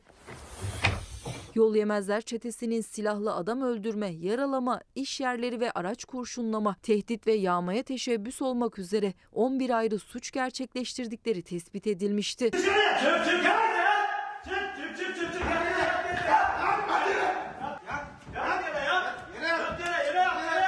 Sahte kimlikler, polis yelekleri, uzun namlulu silahlar, ruhsatsız tabancalar. Operasyon sonrasında ele geçenler de dikkat çekti. Gözaltına alınan 25 şüpheliden 22'si tutuklandı. 3 şüpheli ise adli kontrol şartıyla serbest bırakıldı. Sabah saatlerinde de İçişleri Bakanı Ali Yerlikaya tarafından bilgisi sosyal medyadan duyurulan bir başka bahis operasyonunun gerçekleştirildiğini, yasa dışı bahis operasyonunun gerçekleştirildiğini aktarmıştık. Siber Göz 7, 52 şüpheli yakalandı. Ee, Ali Yerlikaya biliyorsunuz muhalefet tarafından da çok takdir edilen bir e, silsile halinde e, sürekli bir çökertme, çete, yasa dışı e, işler peşinde koşan insanların peşine düşüyor. Bu anlamdaki operasyonlar çok ciddi hız kazandı. Pencere gazetesinden e, İyi Parti'ye dair detayla gazeteleri okumaya devam edelim. İddialar ciddi, Akşener sessiz ilk başlık. İmamoğlu ve Yavaş'tan işbirliği adımı ikinci başlık. Bir önceki haberde aslında ittifak meselesiyle ilgili aktardığımız bilgiyi veriyor alt başlıkta pencere. İlk başlıktaysa Ümit Dikbayır'ın iddialarını değerlendiriyor. İyi Parti'yi sarsan açıklamalarına ilişkin Dikbayır'ın değerlendirme yapan Akşener, partiden ayrılan isimlerle ilgili konuşmama ilkesini hatırlattı. Dikbayır'ın hakkında iddiada bulunduğu isimlerin mahkemeye başvuracaklarını söyledi. Oğluyla ilgili iddialar dahil başkaca bir detay gir, detaya girmedi. Akşener Partisi'ne karşı psikolojik harp uygulandığını iddia etti. Oğluyla ilgili diyor ki Ümit Dikbayır. Bilal Erdoğan'ın AK Parti'ye müdahil olduğundan daha müdahil diyor Akşener'in oğlu için partiye. Kendisinin elektrik mühendisi olduğunu ama halkla ilişkilerden sorumlu tutulduğunu çok önemli bir seçim sürecinde söylüyor ve bunu eleştiriyor. Hakkında bir takım e, evlilik dışı ilişki konusunda da iddialar var. Ona da yanıt veriyor. Hadi gelin zehir zemberek o poşetle para dağıtmaya kadar varan o zehir zemberek açıklamalara bakalım. Seçim bitti. Fatih Akşener bana dedi ki kampanya ekibine dedi ben dedi para vermem lazım abi. Dedim ki ya biz bütün çalışanlara birer maaş verelim zaten. Ben genel başkandan dedim bunun onayını alırım. Var paramız. Elden bir para vermenin doğru olmayacağını söyledim. Sonra duydum ki benden sonra elinde 7-8 tane İyi Parti poşetiyle her birinin içinde 200'er bin lira var. 7-8 tane kendi ekibine para dağıtmış. Ya burası bir siyasi Nasıl? parti mi? Bir kurumsal yapı mı? Para kimin? Nereden geldi? Kime veriyorsun? Nasıl veriyorsun? Ne hakla veriyorsun? Çok üzüldüğümü ifade ediyorum. Edep, haya, ahlak duygusu siyasette çok önemlidir. Kesin ihraç talebiyle disiplin kuruluna sevk edilen İyi Parti milletvekili Ümit Dikbayır'ın oğlunu da hedef alan iddialarına karşı tepkisi Akşener'in. Dikbayır, Meral Akşener'in oğlu Fatih Akşener'in partide poşetle para dağıttığını Hatta 2023 seçim kampanyasını yönettiğini söyledi. Cumhuriyet tarihinin en önemli seçimine gittik biz. Koskoca partinin seçim kampanyasını genel başkanın oğlu yönetti. Genel başkanın oğlu bir iletişim uzmanı değil. Genel başkanın oğlu bir elektrik mühendisi. Bilal Erdoğan AK Parti'nin bu kadar içinde değildir ya. Bu parti kimsenin oyun alanı değil. Hiçbir zaman nezaketimi bozmadım. Zaman zaman da çok e, çirkin, haksız suçlamalara maruz kalmama rağmen Bu kadar çirkefliğe, bu kadar rezilliğe gerek yok. Genel başkan beni çağırsaydı, ben artık seninle çalışmak istemiyorum deseydi, ben ikinci cümleyi kurdurmazdım genel başkanı. İyi Parti'de kazan kaynamaya devam ederken Ümit Dikbayır TV100'e katıldığı programda çok çarpıcı iddialar dile getirdi. Akşener'i de ailesini de en yakınındaki isimleri de hedef alarak Akşener ve ailesinin banka hesaplarını incelettiği iddiasını yalanladı. Genel Başkan Yardımcısı Sedat Aksakallı'nın seçim sonrası iş adamlarından para topladığını söyledi. Sedat Aksakallı var. Dedi ki ya dedi ben de dedi iş adamlarından para alıyorum dedi. Getiriyorum dedi. Bunda bir şey yok dedi. Nasıl yani dedim. Ben bu partinin mali işler başkanıyım. Senden bana para gelmedi. E ben Esma Hanım'a verdim. Esma Hanım'ın kocasına verdim. Ümit Dikbayır'ın ismini zikrettiği kişi Meral Akşener'in özel kalem müdürü Esma Bekar. Benim danışmanıma ajanlık teklif ettiler ya. Esma Hanım Sakarya'da 3-5 tane çakalı bulmuş. Bunları aparat olarak kullanıyor. Benim yanımdaki danışmanı diyor ki bu nereye giderse bize haber ver. Bu kime giderse bize haber ver. Bunun arabasına böcek koy. Bunun arabasına araç takip cihazı koy. Bu çocuk ne yaptı? Abi sen bana ekmek verdin dedi. Ben bunu sana yapamam dedi. Yeni bir ay önce, bir buçuk ay önce. Bugün itibariyle bu iddia ve beyanlara karşı hukuki süreci avukatımız aracılığıyla başlatmış bulunuyoruz. Götürsünler, suç duyurusu yaptırsınlar. Varsa cezam çekeyim. Böyle kaypakça, kancıkça işlere gerek yok. iddia sahibinin isimlendirdiği kişilerin bunlar iftiradır diyerek mahkemeye gittiği bir süreç bu. Şimdi herkes delikanlı olacak. Bu iddiaları ben devlete havale ettim. Devletimizin namuslu savcıları, namuslu hakimleri bunu ortaya çıkaracak. Çok kimse mahcup olacak. Edep, haya, ahlak duygusu siyasette çok önemlidir. Ümit Dikbayır'ın çarpıcı iddiaları, yargıya karşılıklı başvurular. Meral Akşener edep ahlak vurgusu yaptı. Ümit Dikbayır ise olağanüstü kongre çağrısı. Genel başkan dedikodularla ve iftiralarla hareket ediyor. Genel başkan bu partiyi kongreye götürsün. Şimdi aynı zamanda e, Dikbayır'la ilgili e, evlilik dışı bir ilişkisi olduğuna dair de bir iddia var. Hatta yani tacize vardıranlar var. Bu kelimeyi kullanarak aktaranlar var. E, Dikbayır röportajında diyor ki bu olay 5 yıl önce yaşandı. E, Genel başkanın yakın çevresinde çalışan iki kişinin hani özetlemek için bu tabiri kullanıyorum. Yasak aşk yaşadığını ben fark ettim tarafları uyardım. Bunu yapmayın genel başkana zarar verir dedim. Sonrasında zaten erkek olanın ailesi meseleyi keşfediyor. Ee, olaylar büyüyor. Kadın olan taraf işten çıkarılıyor. Neden olduğu büyük bir soru işareti. Neden erkek çıkarılmıyor? Sonrasında o kadın da etrafta sağda solda benimle ilgili yazdı. Çünkü işten çıkarılmasını ben onu uyardığım için benden bildi. Şimdi de onu kullanıyorlar. İsim vermiyorum. Yuvaları yıkılsın istemiyorum. Ama bu durumda bundan ibarettir diyor. Ama dip toplamda sabah erken saatlerde de dile getirmiştim. Belki ekran başında değildiniz. Dip toplamda söylenecek olan şey gerek parti bazında gerek işte işbirlikleri bazında muhalefet kendi içinde bir kazan gibi kaynarken yerel seçim gümbür gümbür gün gün yaklaşıyor sevgili izleyenler.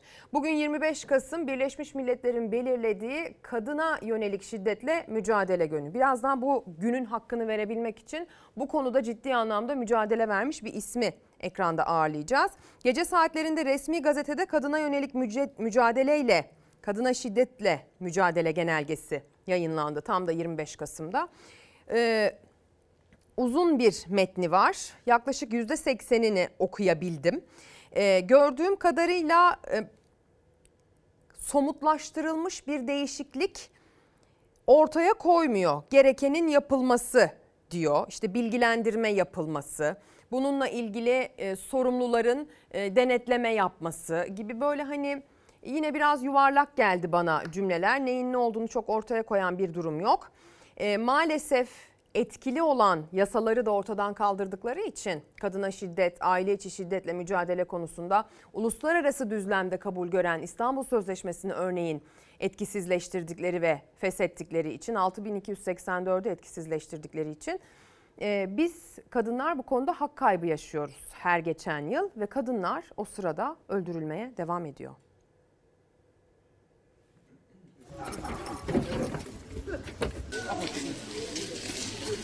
Biri annesini, biri karısını, üç çocuğunun annesini gözünü bile kırpmadan öldürdü. Çankırı'da yaşayan Yakup Kezban G çifti arasında tartışma çıktı. Yakup G kavga sırasında eşini bıçakladı. Çocukların çığlıklarını duyanlar polise haber verdi. Ekipler geldiğinde 3 çocuk annesi kadın hayatını kaybetmişti. Bodrum'da ise Figen Bezmez'i 16 yaşındaki oğlu hayattan kopardı. Eve girip kapıyı kilitleyen çocuk tartışmaya başladığı annesini boğazından ve vücudunun çeşitli yerlerinden bıçakladı. 47 yaşındaki iki çocuk annesi kadın yığıldığı yerde hayatını kaybetti. Bezmez'in onu hayattan koparan oğluyla sorunlar yaşadığı için cinayete tanık olan 12 yaşındaki oğluyla otelde kaldığı öğrenildi. Mesajlar gönderiyorsunuz. Emekliler ekran başında ülkenin geldiği hale isyan edenler var. 25 Kasım olması dolayısıyla kadına şiddete hayır diye yazanlar var. Biz de yazıyoruz, söylüyoruz, haberlerle gündeme taşıyoruz hak mücadelesini. Bu anlamda ses yükseltenleri alan açarak sesleri daha çok duyulsun diye e, etkin etkilerini arttırmaya gayret ediyoruz sevgili izleyenler. Ama gelin görün ki her geçen yıl sayıların arttığına şahitlik ediyoruz. Kadınların hayatta kalma mücadelesini henüz hakkıyla tamamlayamadığımız için kadınları yaşatma mücadelesinde gerekeni yapamadığımız için kadınların diğer özlük haklarına meseleyi getiremiyoruz. Peki ya emekli? Biliyorsunuz emekli 5 bin liralık ikramiye aldı ama çalışmıyorsa aldı. Şimdi yeni bir düzenlemeyle çalışan emekliye de 5 bin lira ikramiye verilmesine karar verildi. 5 bin lira destek ödemesini aldın. Almadım. Neden? Çalışıyor gözüküyorum. Hem emekli olup hem de fiilen çalışmaya devam eden emeklilerimizi bu düzenlemenin dışında bırakıyoruz. Kabine toplantımızda Çalışma ve Maliye Bakanlarımıza gerekli düzenleme ve düzeltmelerin süratle yapılması talimatını verdim. Önümüzdeki hafta ilgili kanun teklifini meclisimize sunacağız. Çalışan emeklilerin 5 bin liralık ikramiye ödemelerinde kapsam dışında bırakıldığını açıklamıştı Cumhurbaşkanı Erdoğan. Gelen tepkiler üzerine kapsamın genişletildiğini duyurdu. 5 bin liralık Cumhuriyet Bayramı ikramiyesini çalışan emekliler de alacak. Bunun çiftçi ve esnaf emeklilerimizin içinde yer aldığı diğer emeklilerimiz de bir gönül kırgınlığına sebep olduğunu üzüntüyle müşahede ettik. Çalışan insanların ihtiyacı olduğundan dolayı çalıştıklarını düşünüyorum. Çok büyük haksızlık yaptıklarını düşünüyorum. Erdoğan kanun teklifinin tamamlandığını haftaya meclise sunulacağını açıkladı. İlk düzenlemeden yararlanamayan 4 milyon 689 bin emeklilerimizin de tek seferlik 5 bin lira ödeme imkanından faydalanmalarını sağlayacağız. Emekliyim ama bir gün çalışmasam acım. Yaklaşık 50 yıldır bu tezgahın başında alın teri döküyor, ekmek parasını kazanıyor Yaşar Keskin. Emekli olduğu halde de hastalıklarına rağmen çalışmayı sürdürüyor. 5 bin liralık destek ödemesini alamayanlardan biri de o. İhtiyacım olmasa çalışmazdım diyor. İhtiyacım var ki çalışıyorum ben. Sakat ayağımdan geliyorum ben buraya. Niye geliyorum ya? İltihap romatizması var. Ellerim 15 dakika çalışsam ağrıyor tutamıyorum hiçbir şey. Ama adam çalışmıyor ihtiyacı yok. Hiç kirasını alıyor, emeklisini alıyor, şeyini alıyor. Ona veriyorsun 5 bin lira. Akciğer kanseriyim, ameliyatlıyım. 7 senedir ameliyatla çalışıyorum. Bizim hedefimiz özellikle geçim sıkıntısı yaşayan ve zor durumda olan emeklilerimize destek vermekti. Çalışma Bakanı Vedat Işıkhan da hedefimiz zor durumda olan emekliler diyerek ikramiyenin kapsamının genişletilemeyeceğine dikkat çekmişti. Ancak emekli maaşı ev kirasına bile yetmeyen, geçinemeyen hatta yeteri kadar beslenemeyen ve çalışmak zorunda olan emekliler karara tepki gösterdi. İnsanlar aç, geçinemiyor. Dolayısıyla herkesin 5 bin lira değil 1000 liraya bile ihtiyacı var. Yani ayrı gayrı olmaması lazım. Emekli emeklidir.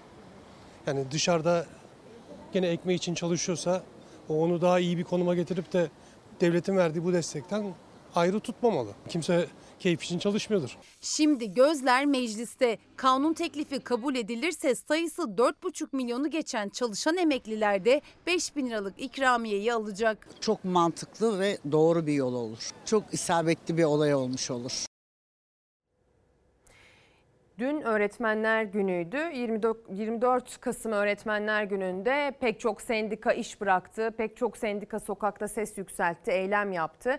Öğretmenler e, mesela az evvel izlediğiniz haberde olduğu gibi emeklilerin düştüğü zor duruma düşmemek için çalışmaya devam etmek zorunda hissediyorlar ki çalışırken dahi emeklerince takdir edilmediklerini söylüyorlar ve barınamıyoruz, geçinemiyoruz diyorlar.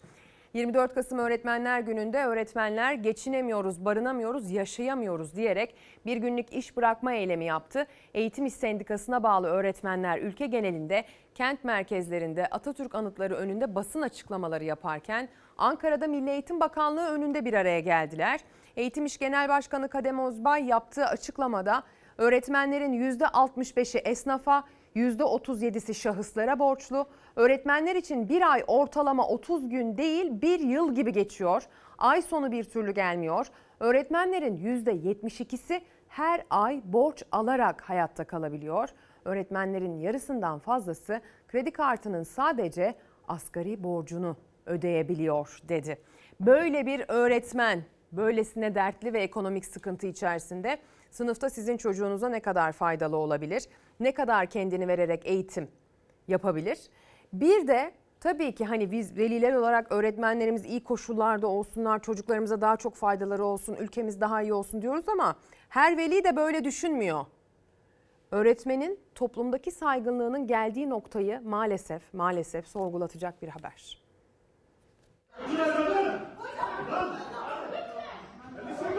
Daha önce böyle bir şiddete maruz kalmamıştım. Yani beklemediğimiz bir olaydı. Öğretmenler Günü için kutlama hazırlığı yaparken 3 öğretmen bir öğrencinin yakınları tarafından darp edildi. Üzüldük yani gerçekten üzüldük. Bugün hiçbir öğretmenimiz ne bir program yapmak istiyor ya da kutlama yapmak istemiyor. Şanlıurfa Haliliye ilçesine bağlı Konuklu mahallesindeki ilk ve ortaokulda yaşandı olay. Öğretmenler Günü için kutlama hazırlığı yapan müdür yardımcısı Muhammed Aksoy'la sınıf öğretmenleri Sedat Adıgüzel ve Emine Polat Zencir'di. İddiaya göre bir öğrencinin dört yakınının saldırısına uğradı. Bu tarz olayların yaşanması hem meslektaşlarımı hem beni yakından takip ettiğimiz olaylar e, oluyor ama bu bizi gerçekten üzüyor. Kimsenin başına gelmesini istemiyoruz. Tasvip etmediğimiz olaylar tabii ki bunlar eğitimciler olarak. Saldırıda öğretmenler yaralandı. Saldırıyı diğer öğretmenler araya girerek önlemeye çalıştı. Bakanlığımızın bununla ilgili çalışmaları var ama daha ciddi önlemlerin alınmasını gönülden istiyoruz. Şiddetle kınıyoruz bunu. Dereye düşüp akıntıya kapılan bir çocuğu yoldan geçen vatandaşın kurtarma anları. Korkmuş ya çocuk. Görür görmez suya atladı. Dereye düşen çocuğu suya kapılıp boğulmaktan kurtardı. Ne kadar tehlikeli.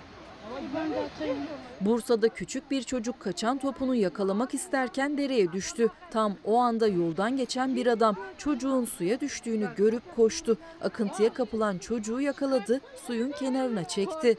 Çocuk. Çevredekilerin ihbarıyla olay yerine ambulans geldi. Neyse ki çocuk da onu kurtaran adam da iyiydi. Çocuk tedbir amaçlı hastaneye kaldırıldı.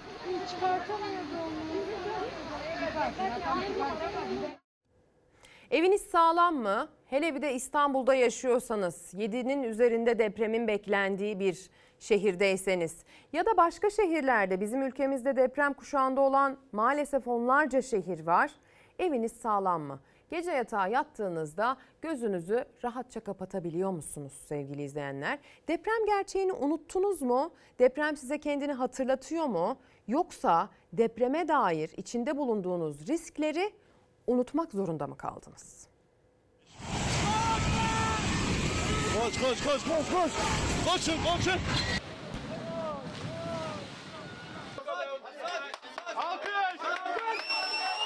Olarak çabuk unutuyoruz. Yani acıyı o an yaşıyoruz. Belli bir süreden sonra normal rutin hayata geçiyoruz. Bence unutulmadı. Biz unutmadık. Yakın zamanda deprem olmayan yerlerde geçmişe göre bir miktar unutuldu. Bir miktarda unutmak zorunda kalıyorlar. Ekonomi de çok önemli. Deprem unutuldu mu yoksa ekonomik koşullar depremi unutturdu mu? Kimisi ben unutmadım diyor ama çokları unutmak zorunda kaldı evinin başına yıkılma ihtimalini. 52 yıllık binada Bakırköy'de oturuyorum. Depreme dayanıklı bir bina olmadığı tespit edildi ama ekonomik şartlardan dolayı taşımına imkanı yok. Bunu yaptıracak parası yok çoğunun. Kirasını, kredi kartını zor ödeyen, mutfak masrafına yetişmekte zorlanan dar gelirli. Oturduğu evin depreme dayanıksız olduğunu unutmak zorunda kaldı.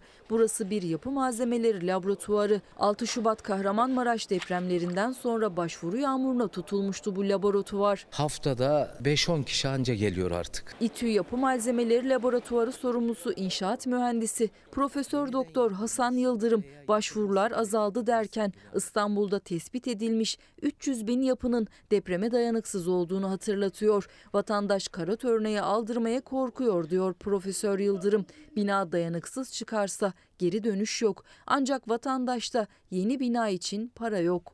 Problem çıkarsa evi boşaltmak zorunda kala- kalacağım. Nereye gideceğim? Ne yapacağım düşünceleri var. İnsanların hani taşınma şansı yok. Deprem konusunda devletin el atması lazım. Sokaktaki vatandaş özellikle büyük bir deprem beklenen İstanbullu ekonomik gerekçelerle sağlam olmadığını bildiği evinde yaşamak zorunda kalıyor. Yöneticilerden imkan talep ediyorlar. Hani devletin bir imkan sağlaması lazım ki biz hani kafamız olarak rahat edelim.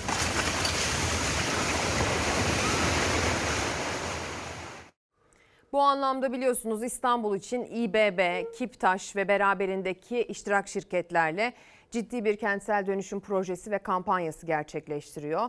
E, yarısı sizden yarısı bizden diye çok benzer bir kampanyayı merkezi yönetim de başlattı.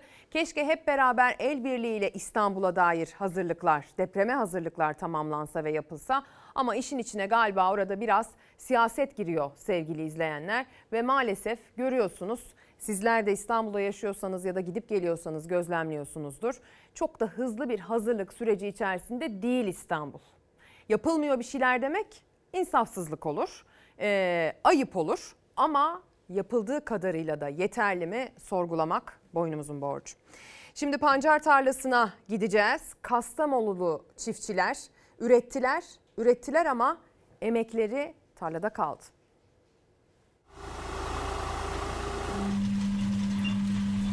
Bu şekilde yani ben pancarımı teslim edemedim. Tarlamda pancarım kaldı. Ve halen de 15 gündür arıyoruz sıra yok. Çiftçi ekti, hasat etti ancak satamadı şeker pancarını. Tonlarca pancar tarlalarda kaldı. Bizim günlük 1000 ton teslim kotamızı her gün düşürüyorlar. Kışa doğru yaklaştıkça düşürüyorlar.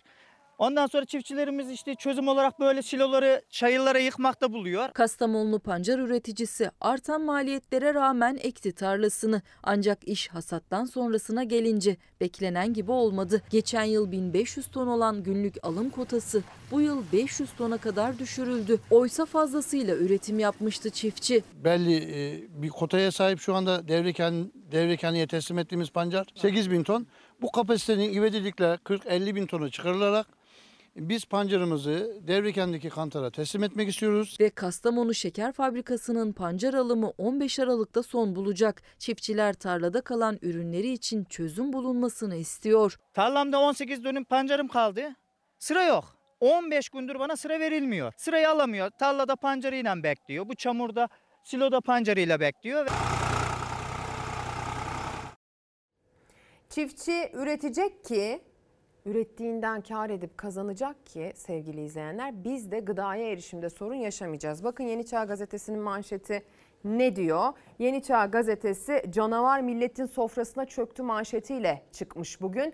Gıda konusunda geldiğimiz noktayı canavar olarak nitelendirmiş. Gıda fiyatlarında son 41 aydır yaşanan kesintisiz artış dar gelirli ve yoksulun sofrasındaki lokmaları her gün eksiltirken enflasyon canavarı doymak bilmiyor. Ekmek, pirinç, un, bulgur, makarna 75,4 gıda fiyatlarındaki değişimin listesi bakın hemen ekranınızın sağ tarafında. Et balıkta %114,8 12 aylık ortalamaya göre fiyat artışı. Süt, süt ürünleri yumurta %75 yaklaşık. Yağda %48, meyvede %119 artış, sebzede %230 artış. E şimdi çiftçinin ürettiği tarlada kalırsa sebzede meyvede %120, %230 artış biz görürüz tabii ki. Bakliyat %53,7, diğerleri %75 diyor. Toplam gıda için 12 aylık ortalama artışı %105,6 olarak Yeni Çağ Gazetesi bugün manşetten veriyor. Şimdi geçtiğimiz Nisan ayında köy öğretmenleri ilçeye dönerken üzerlerine yamaçtan bir kaya parçası düştü. Önce yağmur yağdığı sırada heyelan oldu diye servis edildi haber. Sonrasında hukuki süreç başlayınca anlaşıldı ki o demeçlerden e, orada bir karayolları çalışması vardı. İstinat duvarı eksikliği olduğunu bilirkişi hukuki süreç içerisinde söyledi. Öğretmenler üzerine düşen o kayanın altında kalarak can verdiler geçtiğimiz Nisan ayında. Dört öğretmen geride gözü yaşlı aileler, evlatlar bıraktığı gibi gözü yaşlı öğrenciler de bıraktı. öğretmen olmak istiyorum. Ben baba, ben Fatih, ben Mimar Sinan olmak istiyorum. Beni çok severdi. Sınıfta her zaman onu dinlerdi. Eskiden e, Rahim Hoca, Dilek Hoca, Ünvan Hoca ikinci sınıf, birinci sınıfta, ikinci sınıfta hep beraber hep beraber onun doğum gününü kutlamıştık. 24 Kasım Öğretmenler Günü'nde kaybettikleri öğretmenlerine özlemlerini gözyaşlarıyla dile getirdi minikler. 4 öğretmen aynı araçta yamaçtan kopan bir kayanın araçlarının üzerine düşmesiyle can verdi. Kimisi daha 20'li yaşlardaydı, kimisi 6 ay önce evlenmişti, kiminin ise geride evladı kaldı. Ulan öğretmenim çok özledim. Ne gördün Ulan öğretmenim. Bize her şeyi anlatırdı. Güzel şeylerle haber verirdi. Bize bazen sürprizler yapardı. Hediyeler alırdı. Öğretmenlerinden hep iyi haber almaya alışmışlardı. Ancak aldıkları son haberle çok üzüldüler. Adana'nın Sayınbeyli ilçesine bağlı Himmetli köyünün öğretmenleriydi. Dilek Altıparmak, Ümmühan Dilbilir, Rahime Toprak ve Pınar Kılıç. Takvimler 6 Nisan 2023'ü gösterdiği gün okuldan evlerine dönerken yaşandı kaza. Peşi sıra devam eden hukuki süreçte bilirkişi heyeti olayın sıradan bir heyelan olmadığını, kazanın aslında geliyorum dediğini açıkladı. Bu direğin, bu direğin inşaatı e, esnasında buraya bir tali yol açılmış. Buradaki kayalar e, adeta orada bırakılmış ve kayanın da aslında ilk etapta heyelan gibi görünse de kaza e, biz olayın derinine indiğimizde aslında bu kayanın bu yapılan inşaatın arkasında bırakılan kayalardan oluştuğu tespit edildi. Avukatlar ve geride kalan gözü yaşlı aileler adalet arayışını sürdürüyor. Geride kalan öğrencileri ise öğretmenleri için bir hatıra ormanı yaptı köylerine. İlk 24 Kasım Öğretmenler Günü Himmetli İlk ve Ortaokulu'nda buruk geçti. Ya öğretmenlerimizi çok özledik. Onların bize bakışı, o gö- e, gözlerinin içindeki gülümseme, yani bize karşı tavırları, kızmalarını bile özledik şu anda. Prenses gibi de öğretmenim. Sever bizi her zaman. Unutmaz bizi her yıl. Prenses gibidir öğretmenim, sever bizi her zaman diye şiir yazmış. Vefat eden öğretmenin arkasından şiirlerini okuyor 24 Kasım'da çocuklar. Şimdi bir gelin kaynana hikayesi var. Ee, içinizi ısıtacak bir hikaye. Annemin iki aylık ömrünün kaldığını öğrenmiştim ve çok üzüldüm. Ee, dedim karaciğerimi vereyim, ona hayat olayım. Gelin kaynanasına hayat verdi. İki aylık ömrünün kaldığı hekimlerce söylenen Fatma Demirbilek, kızım dediği gelini sayesinde hayata tutundu. Biz hiç gelin kaynan çalışması yapmadık. Anne kız gibiyiz. Bu olay gerçekten beni e, çok derinden etkiledi. E, bir tarafta annem, bir tarafta eşim. Oğul Murat Demirbilek önce annesinin iki aylık ömrünün kaldığı haberiyle yıkıldı. Ardından eşinin karaciğerinin annesinin vücuduna uyumlu olduğunu öğrenince sevindi. Eşini ve annesini aynı anda gönderdi ameliyata. Bizde hiç öyle bir şey olmadı, gelin kaynağı çatışması olmadı. İnşallah bundan sonra da daha da güzel olacak. Alışa gelmiş gelin kaynana ilişkisinin aksine e, gerçekten e, anne kız edasıyla bu zorlu süreci atlattılar. Denizli'de yaşayan aile ameliyatını Antalya'da özel bir hastanede oldu. Mihrican Demirbilek kayınvalidesine karaciğerinden bir parça verdi. Ameliyattan sonraki iyileşme sürecini anlattı. Artık kayınvalidesinin iyileşip ayağa kalkmasını tüm ailesiyle birlikte dört gözle bekliyor. Gerilim Mircan'a çok teşekkür ediyorum. bizi tekrar yaşama tutunmamızı sağladı eşimin. Çok yani duyguluyum. Yani bu yönden kendisine ne kadar teşekkür etsem azdır. Gelinle kaynana arasında hani bir çatışma olması bekleniyor. Böyle bir ön kabulle yaklaşılıyor ama aslında belki bundan vazgeçmek lazım. Tabii iyi anlaşan gelin kaynanada da aradaki köprüye o e, eşe ve oğula bakmak lazım. Yani demek ki orada da doğru bir köprü görevi görülüyor. Öyle bir işlem gerçekleşiyor anlamına geliyor. Şimdi vakit kaybetmeden reklama gidelim. Reklamlardan sonra hem aktaracağımız haberler var hem de 25 Kasım Kadına Yönelik Şiddetle Mücadele Günü'ne dair konuğumuz olacak. Söylemiştim tekrar edeyim. Türkiye Kadın Dernekleri Federasyonu Başkanı Canan Güllü bizimle birlikte olacak. Hangi noktadayız Türkiye'de kadınların kazanılmış haklarıyla ilgili ondan bahsedeceğiz. Tekrar günaydın. Bir kez daha ekran başına hoş geldiniz. Söz verdiğimiz gibi konuğumuz geldi. Burada birkaç haber sonra kendisini stüdyomuza buyur edeceğiz efendim. Ee, İstanbul'da sıradan bir manzaranın haberiyle devam edeceğiz. Sıradan dediğimize bakmayın haber değeri hiç düşük değil. Çünkü bu problem artık e, ayyuka çıkmış durumda. Bir taksi şoförü yabancı turist e, müşteri almak için olduğu iddia ediliyor. E, arabasındaki yolcuları bakın nasıl indiriyor. Al taksiyi git diyor. Türkleri indiriyor Arapları almak için. Hem yolcuları hem de trafikteki diğer sürücüleri mağdur etti. Taksi şoförünün yolcuları aracından indirip yabancı turistleri aldığı anlar cep telefonuyla kaydedildi. Git diyor. Al taksiyi git diyor. Bakın Yer İstanbul Bakırköy Yeşilköy Halkalı Caddesi'ndeki bir alışveriş merkezinin önünde 3 yolcu taksiye bindi. Ancak o sırada şoför yabancı turistlerin de taksi beklediğini gördü. Araca binen yolculardan inmelerini istedi. Yolcular bir süre inmemek için direndi. Şoför yolun ortasında durup tüm trafiği kilitlediği halde hareket etmedi. Aracından inip yolculara taksiyi alıp gidebileceklerini söyledi. al taksiyi git diyor. Yolcular mecbur kalıp taksiden indi. Yabancı turistleri aracına alan şoförse yoluna devam etti. Bakın Arapları aldı.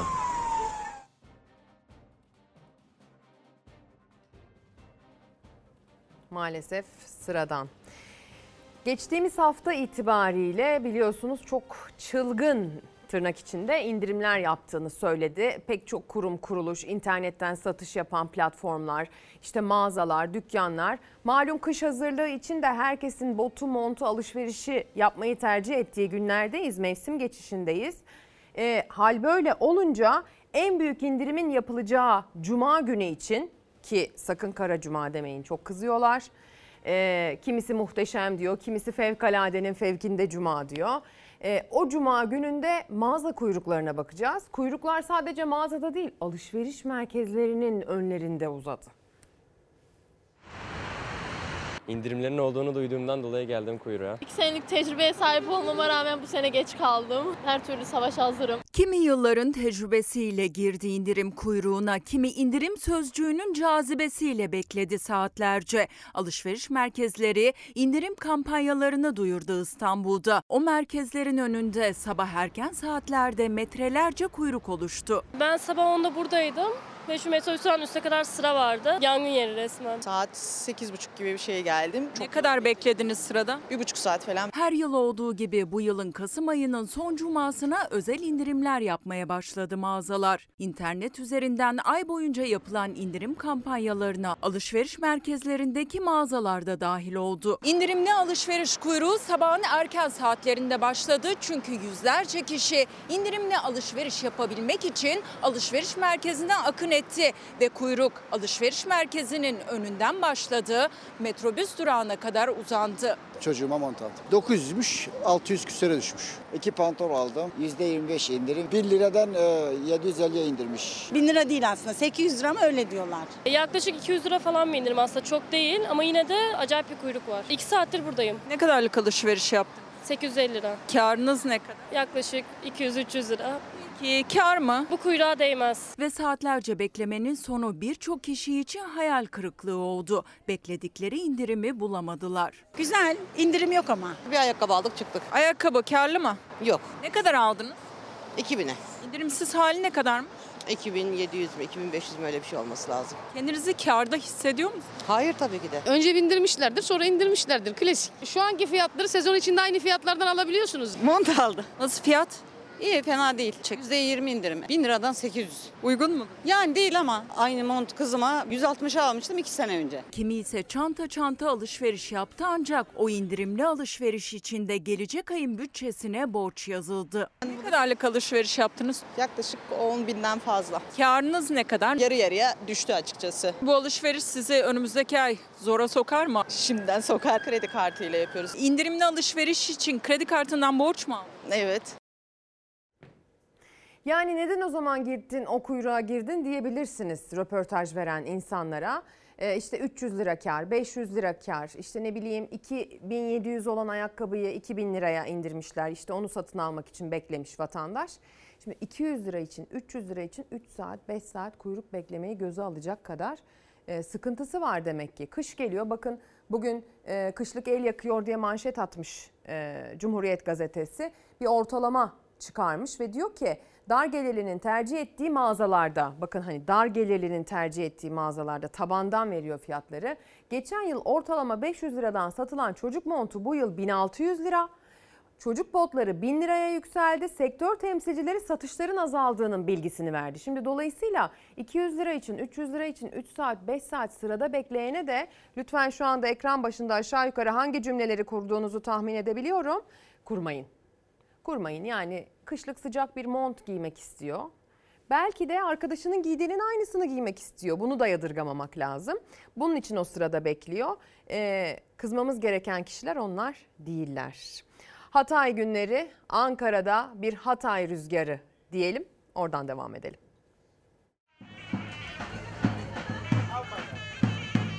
Ankara'da Hatay rüzgarı esti.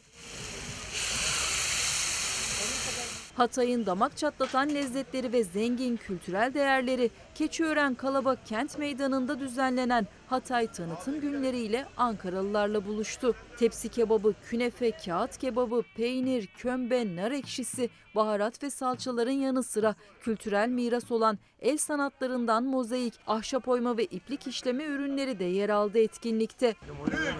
2, 1, başla. Tanıtım günlerinde düzenlenen kağıt kebabı yeme yarışması ise kıyasıya mücadele içinde geçti. Hatay kağıt kebabını en hızlı bitiren yarışmacı çeyrek altının sahibi oldu. Evet yarışmanın galibi. Hataylı esnafa destek önemli diyelim.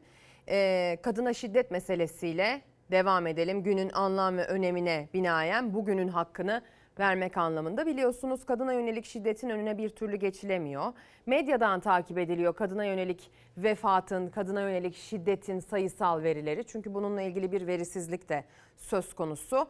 Ee, meclis her ne kadar geçtiğimiz e, döneme göre artık yeni sistemle birlikte pasifize olmuş olsa da özellikle kadın milletvekillerince mecliste kadına yönelik şiddet araştırılsın, soruşturulsun, bununla ilgili somut adım atılsın e, seslerinin yükseldiği bir yer hala ama tabii ki Cumhur İttifakı vekillerince bu durumda reddediliyor ve bu sırada kadınlar da öldürülmeye devam ediyor. Birlikte ya da ayrı, evli ya da boşanmış, sevgili ya da değil, her koşulda şiddete maruz kalıyor kadın. Şiddetin kimden geleceği belli olsa da önlenemiyor. Son 10 ayda en az 350 kadın şiddetin kurbanı oldu. 243 kadın cinayete kurban gitti. 107 kadının kim tarafından öldürüldüğü ise tespit edilemedi. Önlenemeyen kadın cinayetlerine, kadına karşı şiddete her gün yenileri ekleniyor. Gaziantep'te sokak düğününe gelinin eski eşi ve yakınları tarafından silahlı saldırı düzenlendi. Bir kişi hayatını kaybetti, dört kişi yaralandı. Aksaray'da 31 yaşındaki Mustafa G tartıştığı eşi Fatma G'yi çocuklarının gözü önünde bıçakladı. Kavga yapmışlar. Gürültüyü duyan komşuları polise haber verdi. Yaralı kadın hastaneye kaldırıldı. Mustafa G ise gözaltına alındı. Her şeye şahit olan çocukları ise bırakacak kimse yoktu. 4 yaşındaki oğulları anneyle hastaneye, 7 aylık bebekleri ise gözaltına alınan babanın kucağında emniyete gitti. Burdur'daysa gece saatlerinde silah sesi duyuldu. KA kız arkadaşının evine rastgele ateş açtı. Başka evlere de isabet eden kurşunlar ruhsatsız bir tabancadan çıkmıştı. Yakalanan zanlı tutuklanıp cezaevine gönderildi. Sonu gelmeyen kadına şiddet olaylarının araştırılması için Halkların Eşitlik ve Demokrasi Partisi Türkiye Büyük Millet Meclisi Genel Kurulu'na görüşülmesi için önerge sundu. 2023 yılının son 10 ayında 350 kadın erkekler tarafından katledildi. Sadece Ekim ayında 19 kadın erkekler tarafından katledildi. 18 kadın şüpheli bir şekilde yaşamını yitirdi. Halkların Eşitlik ve Demokrasi Partisi'nin önerisi AK Partili ve MHP'li milletvekillerinin oylarıyla reddedildi. Öneriyi oylarınıza sunuyorum. Kabul edenler, kabul etmeyenler kabul edilmemiştir.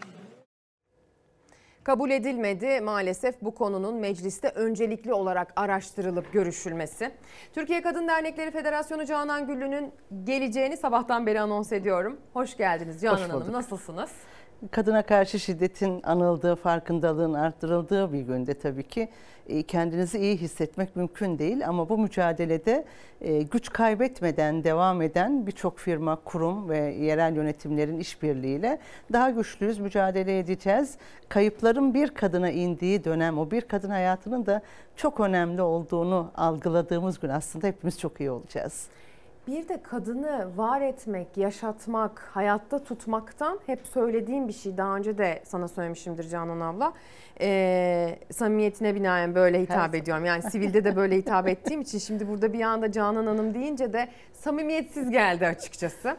Ee, yani biz kadını yaşatmak için verdiğimiz mücadeleden dolayı aslında daha ileriki basamakları da geçemiyoruz. Yani Kesinlikle. Kadın haklarını var etmek için sadece işte e, vurdu mu, kırdı mı, öldürdü mü noktasında bir şeye engel olmaya çalışıyoruz. Ve ölmeden evvelki e, süreçlerin önlenmesine yönelik politikayı üretmeye çalışıyoruz. Önleyici politika dediğimiz aslında yürürlükten çekilen İstanbul Sözleşmesi'nin o dört ayağından ilki de önleme, koruma, kovuşturma politika. Yani önle, önlersek zaten geri ayaklara hiç ihtiyaç kalmıyordu. Bugün bir genelge yayınlandı, önlemeden bahsediyor. Evet, bir önlemede bir de veriden çok kadın Evet. sivil toplum örgütlerinin çokça bahsettiği bir olay. Ee, yayınlanmasını olumlu karşılıyorum. Bunu söylemem lazım. Yani iktidarın kendine verdiği vazifeleri kendine hatırlatıyor. Çünkü biz bunları zaten iktidara hatırlatan taraftaydık İzleyiciye aslında. bir dipnot düşeyim. Dün gece saatlerinde saat 12 civarında yayınlanan resmi gazetede kadına şiddetle mücadeleyle ilgili yeni bir genelge yayınlandı. Genelgeyi okuduğunuz zaman aslında ilk defa kadına yönelik şiddet verileriyle ilgili daha hani e, somut adımlar atılmalı diyor ama yine de hep böyle yuvarlak şu yapılmalı, şu yapılacak. İşte şu da İstatistiki. iyileştirilecek falan. Ben 2002 2004 yılında Şiddet İzleme Komitesi'nin içindeyim. Yani tam e, 22 yıldır o komitenin içinde yer alan biriyim. O komite tabii güç kaybede ede ede ede bugünlere geldi. E, içinde artık sadece toplanmak ve yapılmış olmak için yapılan bir komite haline gelmişti. Şimdi o komiteyi tekrardan güçlendiririz, güçlendiriyoruz diyor. Biraz önce e, mecliste verilen kadın cinayetleri rakamında bizde 348 kadın ilk 10 ayda öldürüldü diyoruz. O verileri medyaya yansıyan yazılı basındaki haberlerden alıyoruz. Oysa ki bu konuda sorumlu ve bilinçli olmak iktidarların görevi. O bakanlıkların örneğin İçişleri Bakanlığı'nın bunu her ay deklare etmesi gerekir. Hangi ilde öldü? Kaç kadın öldü? E, ildeki mahallelerin yerleri neydi? O mahallede yaşanan kadına dair sorun neydi? Bu da bizi temel asıl soruna götürecekti. Örneğin en çok kadın cinayetlerini Adana'da niye görüyoruz? Ya da İstanbul tamam metropol kent ama hangi ilçelerinde? Bizim elimizde böyle veriler var çünkü. Hangi ilçelerde Mesela? geliyoruz? Bakın 63 ile İstanbul metropol kenti görüyoruz rakamsal olarak baktığınızda. 24'te İzmir'i görebiliyoruz. E, 18 var Mersin, Adana bu taraflarda. Canan abla 26. ben seni hiç yormayacağım. Şimdi Evet. şöyle haritanın başına geçeceğim. 63 ile İstanbul birinci. Zaten Evet. büyük şehirlere baktığın zaman hep sayının daha fazla olduğunu görüyorsun. Kesinlikle. İzmir'de 24, Antalya'da 26, 26, Adana'da Ada- 18. 18, evet. Ee, 12 var. 12 var Bakın. yukarıda. Ha, Samsun galiba. Samsun, evet. Ee, yani ama Ankara yine 15, Bursa 10. 10. Hani Aha. iki haneli 9 basamaklar. Tekirdağ tarafı tamamen. Yani bu işin içinde Türkiye'nin her bölgesinde kadın cinayetinin varlığını görüyoruz aslında 81 ilde ve e, bu haritanın rakamlarına yansımayan örneğin e, Kasım ayında bir günde 5 kadının katledildiği rakamlar. Yani daha yıl bitmeden biz 348'deyiz ve Biz Türkiye dün, haritası. Dün gece vefat etmiş iki kadının haberini bülten içinde Bu verdik. kadar işte bu iki e, bu gün gün tamamlanıncaya kadar biz farkındalık gününü konuştuğumuz anda aslında belki de bugün de 5 kadın 6 kadın katledilecek ve o kadar içselleşti ki haber olarak geçiyor. Geride bıraktıkları, kaç yaşında olduğu, yaşamında ne zorluklarla karşılaştığı, koruma ve kollama için emniyete gitti mi? Örneğin bugün yayınlanan genelgenin içinde var. Koruma ve kollama için birimlere gittiğinde daha e, önleyici tedbirler alınmalı diyor. Aslına bakarsanız hani ben kendimi bildim bileli diyeceğim. 37 yıldır diyoruz ya bu hareketin içinde. Son 25 yıldır şiddetle uğraşıyoruz ve söylemlerimiz o genelgenin içindeki söylemler. Yani biz biliyoruz, söylüyoruz ama bir taraftan uygulanmıyor. İktidar da kendine defalardır bu yönergelerle ilgili dersler veriyor ama bir türlü o dersler gelmiyordu. Bu sefer içine o veri geldi. İzlemenin takip senede bir kere izlenmez aslında. Bu gibi çok olayların olduğu dönemlerde daha sık üçer aylık periyotlar halinde izlemenin yapılması gerekir. Ne oldu, nasıl oldu, nerede sonuç aldık, başarılı olduk mu gibi. Ama bence gerçekten bu genelgeyi ben takip edeceğim. 25 Kasım etkinlikleri bittikten sonra buradan e, herkese de ilan ediyorum. Bakanın yanına gideceğiz. Biz Sayın Bakan'la hem bir tanışma yapacağız hem bu görevi tıpkı eskiden olduğu gibi Kadın Statüsü Genel Müdürlüğü'yle eskiden Kadının Sorunları ve Statüsü Genel Müdürlüğü'ydü. Sorun arttıkça kelime azaldı ama statüdeki genel müdür arkadaşımla zaten irtibattayız. Onunla da görüşeceğiz. Ne gerekiyorsa artık halletmek zorundayız. Yani böyle farkındalık günleri benim onun birilerinin bir şeyler yapmasıyla bitecek bir dert değil.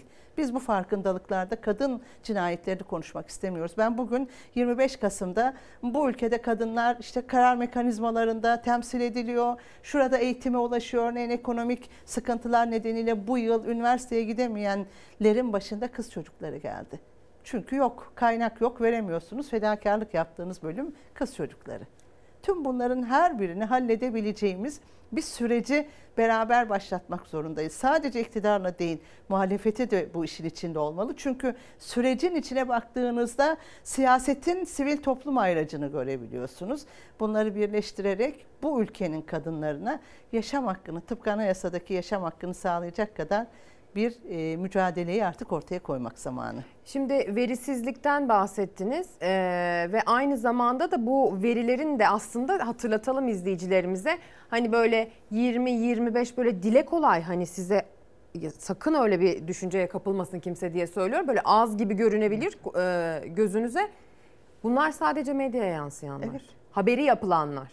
Sadece haberi yapılanlar. Fare zehiri, intihar, katledilerek gidenlerin bazen ayağa kaydı. Hep örneği veriyorum. Ya da ayağa Anadolu'da kaydı, küçük gitti. bir ilçe yani. Kim o hani yerel basında haberi yapılıyorsa belki Yapılmıyor. yapılıyordur. Çoğu zaman o da yapılmıyor. Şimdi bize artık bu son 6 ay içinde o yerel basına yansımayan ama komşusu vefat etmiştir kadına karşı şiddette. Onlar bildirmeye başlıyor ve buradan da ilan edelim. Göz, görsel olarak tanık oldukları e, bu haberin yerel medyaya yansımayan bölümlerinde lütfen bizimle irtibat kursunlar. Çünkü her kadın hayatı çok kıymetli ve bunların e, 2008'den 2023'ün 10 ayına kadar 4200'ün üzerinde bir rakama tekabül ettiğini düşündüğünüzde bir orman ve bu ormanın geride bıraktıklarını yani çocuklarını, anne ve babalarını düşünün. Bunların yargılama süreçlerinde bizlerin hani e, tanıklık olduğu manzaralara onların tanıklık ettiğini, cezasızlığın hüküm sürdüğü, tüm bununla beraber o geride kalan çocuklarla ilgili bir politikanın olmadığı, biz burs verebilirsek ya da kurumlar burs verebilirse, okula devam ederken psikolojisiyle ilgili çalışma yapılabilirse, işim böyle olmaz. Bunun bir politikası olmalı. Hep bunu İhtimaller. söylüyoruz. Evet. Sistem olmalı. Sistem, kurumsal bir sistem. Önleyeceğiz. Eğer ki olmadı, başaramadığımız bir yerlerde mutlaka dört dörtlük olmayacağız. Hasar verecek nokta vardır. Onu da koruyacak, kollayacak, kovuşturacak, politikasızlığı aslında daha iyiye doğru çevirebilecek önlemleri almak zorundayız. Evet. Yapabiliriz. Bu kadar. Yani yapabiliriz. Ben buna inanan, bunu söyleyen, umutsuz olmayan ama her kadın katledildiğinde kendimi de bir o kadar sorumlu hisseden durumdan vazife çıkaran biriyim. her yaklaştığınızda ya da telefon açıyor size irtibat kurduğunuzda ne olacak teyze, abla, başkan dediğinde verecek cevabınız yok. Ben de iktidar yapmıyor, muhalefet ilgilenmiyor cevabından yoruldum artık. Yapabiliriz. Yalnız değiller onlar. Onlar kolluğa gittiğinde bir daha bir daha gitme içgüdüsünden vazgeçmemeliler. İstanbul Sözleşmesi'nden sonra kolluğa gidemiyor kadın. Ya gitsem ne yapacak diyor. Şiddetin otağında kalıyor. Ya da kendi başına bir yol çizmeye çalışıyor. Orada daha çok batağa giriyor. Tüm bunları halledebiliriz aslında. Bir dokunuş. Evet 25 Kasımlar bunları konuşmak için e, ıskalamamamız gereken fırsatlar aslında. Evet. Bunu biz burada bir şekilde yayın içerisinde hakkını vermeye çalışıyoruz. Bu anlamda mücadele veren bir isimle birlikte tabii ki. Bir de kadına yönelik şiddete karşı uluslararası mücadele günü öncesinde sokaklara çıkan kadınlar vardı. Açıklama yapan kadınlar vardı. Aslında kadınlar e, sadece metropollerde değil en. Anadolu'nun e, ücra diyebileceğiniz köşesinde dahi çıktılar ve dediler ki biz varız ve var olmaya devam etmek istiyoruz.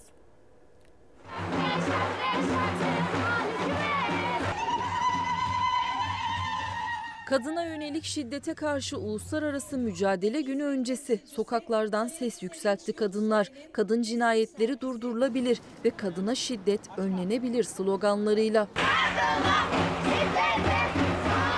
Şırnak'ta düzenlenen yürüyüşte kadınlar turuncu şemsiye açtı. Şırnaklı kadınlar defler ve zılgıtlar eşliğinde yürüdü.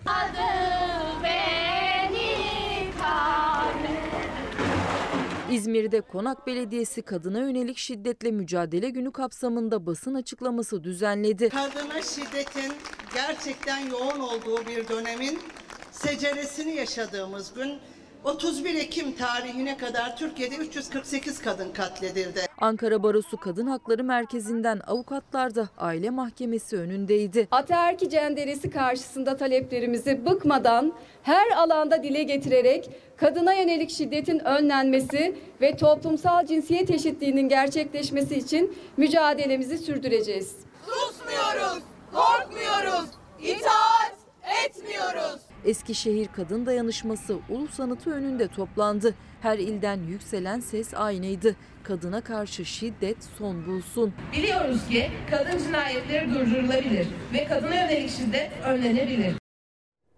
Kadına yönelik şiddet önlenebildiği gibi kadının hayattaki var olma çabası da sadece şiddetin önlenmesinden ibaret değildir.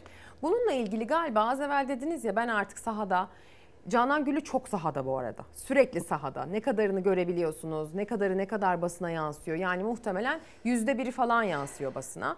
Canan Güllü böyle hani ilçesinden köyüne kadar, e, doğusundan batısına kadar ve özellikle de deprem bölgesine e, çok ciddi çalışmalar yapıyor. Bizzat gidiyor ve gerçekten çok yorucu olmalı. Sizin etrafınızda sürekli kadınlar gelip size işte vefat edenini, şiddete uğrayanını, kendisine işkence eden kocasını, babasını, abisini belki de anlatıyor. Sadece sadece şiddet değil çok güzel bir yere dokundunuz. Evet işte bundan iki hafta önce Hakkari'deydik. Bilmem dün bu hafta Bakü'de, İzmir'de, Ankara'da farklı farklı yerlerde ama Hatay'da, Adana'da, Mersin'de ve aynı anda da WhatsApp gruplarımızla bütün illerin, ilçelerin kadın mücadelesinde, barolardaki mücadelelerde ya da işte şöyle şiddet önleme izlemede çalışan bizim gibi aktivist olmasa bile sorunun temelinde yanında olduğumuz arkadaşlarla konuya hakimliğimiz var. Ama sadece mesele şiddet değil ki. İşte bir erken yaş evliliği var. O da bir şiddet.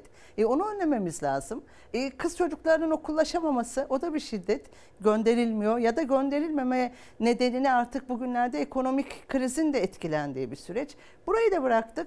E, erken yaştan sonra boşandı. Nafaka sorununu gündeme getiriyor insanlar. O 100 lira tahsil edemediği 300 lira 500 lira nafakanın artık süre, sürdürülebilir olmamasına çaba var. Ona mücadele ediyorsunuz. Tam burada istihdamın içinde kendine yer bulmuş e, kadının şiddete ve tacize uğramaması lazım. Orada sürdürülebilirlik bir iş e, alanında çalışabilmesi için İLO'nun C190 sözleşmesini sendikalarla çalışmaya gayret ediyorsunuz. E orada ama gelişmeyen biraz önce arkadaşım o ataerki dedi ya hani geleneksel aile baskısı dediğimiz geleneksel er- eril erkek baskının değişmesi adına e, aile bakım yükü üzerimizde. Annelerimiz, babalarımız hasta olduğunda biz bakıyoruz kadınlar olarak. Çünkü yaşlı bakım merkezleri yok. Bakın bunları her zaman söyleye söyleye bugünlere geliyoruz. E, biz bunları her döneminde bir tane sorunu yok edebilseydik, kurumsallaştırabilseydik biraz önce ortak paydada buluştuğumuz, bugün hiç o sorunları konuşmayacaktık. Ama tüm bunların neden olduğu şiddet de aslında kadını yaşamdan uzaklaştıran, e, sokaklarda güvencesizsiniz, taksiye biniyorsunuz, taksi şoföründen taciz görebiliyorsunuz. Sokakta yürürken arkanıza ya da birine haber vermek durumunda kalıyorsunuz. Tüm bunların her birini aslında bir tek dokunuşla yapabileceğimiz bir iradeyi ortaya koymamız lazım. Bütün mesele bu kadar basit. E, bu başkalarına geldiğin hani geldiğinde ya işte o kadın da biat etseydi ölmeyecekti. Evinde şunu yapsaydı o kutsal aile yapısı kavramı var ya bizi o biat sistemine yöneltmeye çalışıyor. Oysa eşitiz diyoruz ya kadın erkek eşitliği var. E burada da şiddet görmemek en çok insan hakları ihlali olarak değerlendiğimiz olguda dik durmak ve kadını insan yerine koymak. Bütün bütün meselelerde hep söyleyerek yapıcı olacağız. İleriye doğru daha öngörü ve bu sadece 5 yıl değil 10 yıl stratejik eylem planlarını hayata geçireceğiz. O eylem planları içinde geleceği dizayn edeceğiz ve kadına şu dönem için o pozitif ayrımcılığı mutlak suretle yapacağız. Hikaye bu. Ben şöyle görüyorum sayfanın ortasından şöyle söyleyeceğim. Bizi yönetenler, hükümet edenler ya da muhalefet edenler, siyasi isimler, ülkeyi e, ülkeye yön tayin edenler kadının kocası tarafından, babası abisi de olabilir. Sevgilisi en imam yakın erkek. nikahlısı. Sevgilisi imam nikahlısı da olabilir. Ki o zaman işte değişiyor biliyorsun yani hani orada da meseleler karışıyor. E, şiddet görmesine şey yani şey bir gözle bakmıyor. Neden normal, bak- normal, normal. normal. Er- yani Normalleştiriyor. erkek sinirlendi, erkek patronuna kızdı, erkek e, işinde ailesiyle tartıştı iş eşiği üzerinden dövme hakkına sahip. Bu kadar basit bir anlayış ve yanlış olan bir algı içindeler. Yani böyle Bu kadar. baktığınız zaman çok modern gördüğünüz takım elbiseler içerisinde Evet, çıkıp konuştuğu zaman ha eğitimli diplomaları var. Çıkıyor konuşuyor belki mecliste olabilir belki başka kürsülerde olabilir. Aa, çok akıllı mantıklı ne kadar da bilgili diyorsunuz ama konu buraya geldiği zaman aşamadıkları bir nokta var hocam. Kesinlikle çünkü yetiştirilmede bir sıkıntı var. Hep böyle o yetiştirilme, çocuk yetiştirme işini kadınlara akletmişiz. Yani onlar yetiştirecek diye kendini kenarda tutan bir babalık görevi vermişiz. E, Dolayısıyla da bütün suç ve sorumluluk aslında ikincil mağduriyet olarak yine kadına geliyor. Yetiştirdiğiniz erkek çocukta eğer şiddet uygulamış, uyuşturucu kullanmış, başarısız olmuşsa kadının suçudur. Oradan daha bir şiddet görebiliyorsunuz. Ya da e, sizin suçunuz canım yemek yandı ya da verdiğiniz 20 lira 30 lirayla eve alınamadı bir şeyler yine sizin suçunuz. E, güvencesiz ortamdasınız savunulacak meseleniz yok ve algı çok önemli. O toplumsal cinsiyet eşitliği diyoruz ya o toplumsal cinsiyet eşitliğinin farklı farklı anlamlara ve manalara çekildiği bir Biz diyoruz da dürse- işte diyemiyorlar hocam. Diyemiyorlar Altında başka işte. şey arıyorlar. Diyemiyorlar altına başka şey koyduğunda da iş bambaşka noktalara gidiyor. Biraz önce dediniz ya birlikte yaşıyorsa ahlaksız, dini nikah varsa namuslu kavramı gibi aslında kavramların içini boşaltıyoruz. Burada tek bakabileceğimiz nokta kadın ve erkek eşittir. Bu kadar. Başka bir olay yok ve bunlara yasa önünde doğru bakacağız. Örneğin hukukta toplumsal cinsiyet eşitliği bakışı yoksa e, hakimde, savcıda, avukatta e, mücadelede bambaşka bir şeye çıkıyorsunuz. İşte e, Hakkari'deki dava neydi? 11 yaşındaki kız çocuğuna 3 kişinin tecavüz etmesi. Bunun başka bir açıklanan yolu yok. 3 tane erkek bir kız çocuğuna tecavüz etmiş. Bitti. Burada başka bir şey aramayacaksınız. Bunun nedeni niye etti? Neden etti? Gece sokakta mıydı? Köy yerinde etti. Yani bunun bahanesi de yok artık. Çıkabileceği e, bilmem açık elbisesi vardı. Tahrik oldu ki o da bahane değildir. Bahane olarak geçer ama tüm bunların her birinde bir bahane üretmekten vazgeçeceğiz. Biz Kadına şiddet insan haklarıdır diyeceğiz ve hakikaten muhalefetten özellikle çünkü iktidarlar kendi politikalarını araçsal olarak kullanabilir ve biz kadın cinayetleri politiktir diye bu nedenle söylüyoruz. Ama muhalefet bu konuda baskıcı, hatırlatıcı, devamlı sürdürülebilir bir farkındalığı yaratmak zorunda. Kendi alanları içinde toplumsal cinsiyet eşitliğini, hukuki mekanizmaları nasıl korunacağını, muhtarlar vasıtasıyla kim aç açıkta şiddet görüyor, bunlarla ilgili ne yapabiliriz? ilgili sivil toplum örgütleriyle devletle işbirliği yaparak halletmek zorunda. Yükümlülüğümüz bu hepimizin. Hı hı. Son bir dakika. Ee, Türkiye Kadın Dernekleri Federasyonu bünyesinde bir acil yardım hattı yönetiyorsunuz. Evet, evet. Bununla ilgili belki de bir not düşerek bitirmek anlamlı olacak. Çok teşekkür ederim. En önemli benim artık e, cümlelerimin hep o şeyle telefon numarasıyla bittiği bir süreç. 0212 656 96 96 şiddet gören, görmeyen, görme tehlikesi içinde olan ya da benim yasal hakkım nedir? Bu ülkede ben ne yapabilirim? Bana nasıl yardım edebilirsiniz diyen tüm kadınları, istismara uğramış, uğrama dahli olabilen tehlikeleri ne olduğunu öğrenmek isteyen herkesin bu numarayı aramasını istiyorum. Bir daha alalım hocam? 0212 656 96 96 0549 656 96 96 hattın sürdürülebilirliğini özel sektör sağlıyor. Buradan onlara çok teşekkür ederim. Çalışan personelin e, ücretini insan kaynakları özel sektörden ve yıllardır işbirliği yapıyoruz bu kurumlarla. O kurumlarla çalışanların eğitimleri sağlanıyor. Toplumsal cinsiyet ve şiddet mekanizmaları. Bugün biraz önce e, Türkiye haritası içinde gördüğünüz aydınlatıcı kısa bilgide yaklaşık 50 belediyenin billboardlarında yayınlandı. Biraz farkındalıkla aslında neredeyiz, ne yapmamız gereği öğrenebilir ve birlikte yalnız olmadığımızı öğrenebiliriz. Bir de bir dakikalık e, bir şey daha rica edeceğim yönetmenimden. E, Canan Güllü özel sektör finanse ediyor acil yardım hattını dedi. Canan Güllü pek çok özel sektör temsilcisini e, tabii biz markaya gireceği için ismini veremiyoruz ama çok tanıdığınız büyük markaları koca koca holdingleri elinden tutup tutup götürdü Hatay'a deprem bölgesinin başka illerine ve orada özellikle böyle afet durumlarındaki en hassas grup olan kadınların mağduriyetleri için onlarla çalışmalar Çok yaptı. güzel, evet.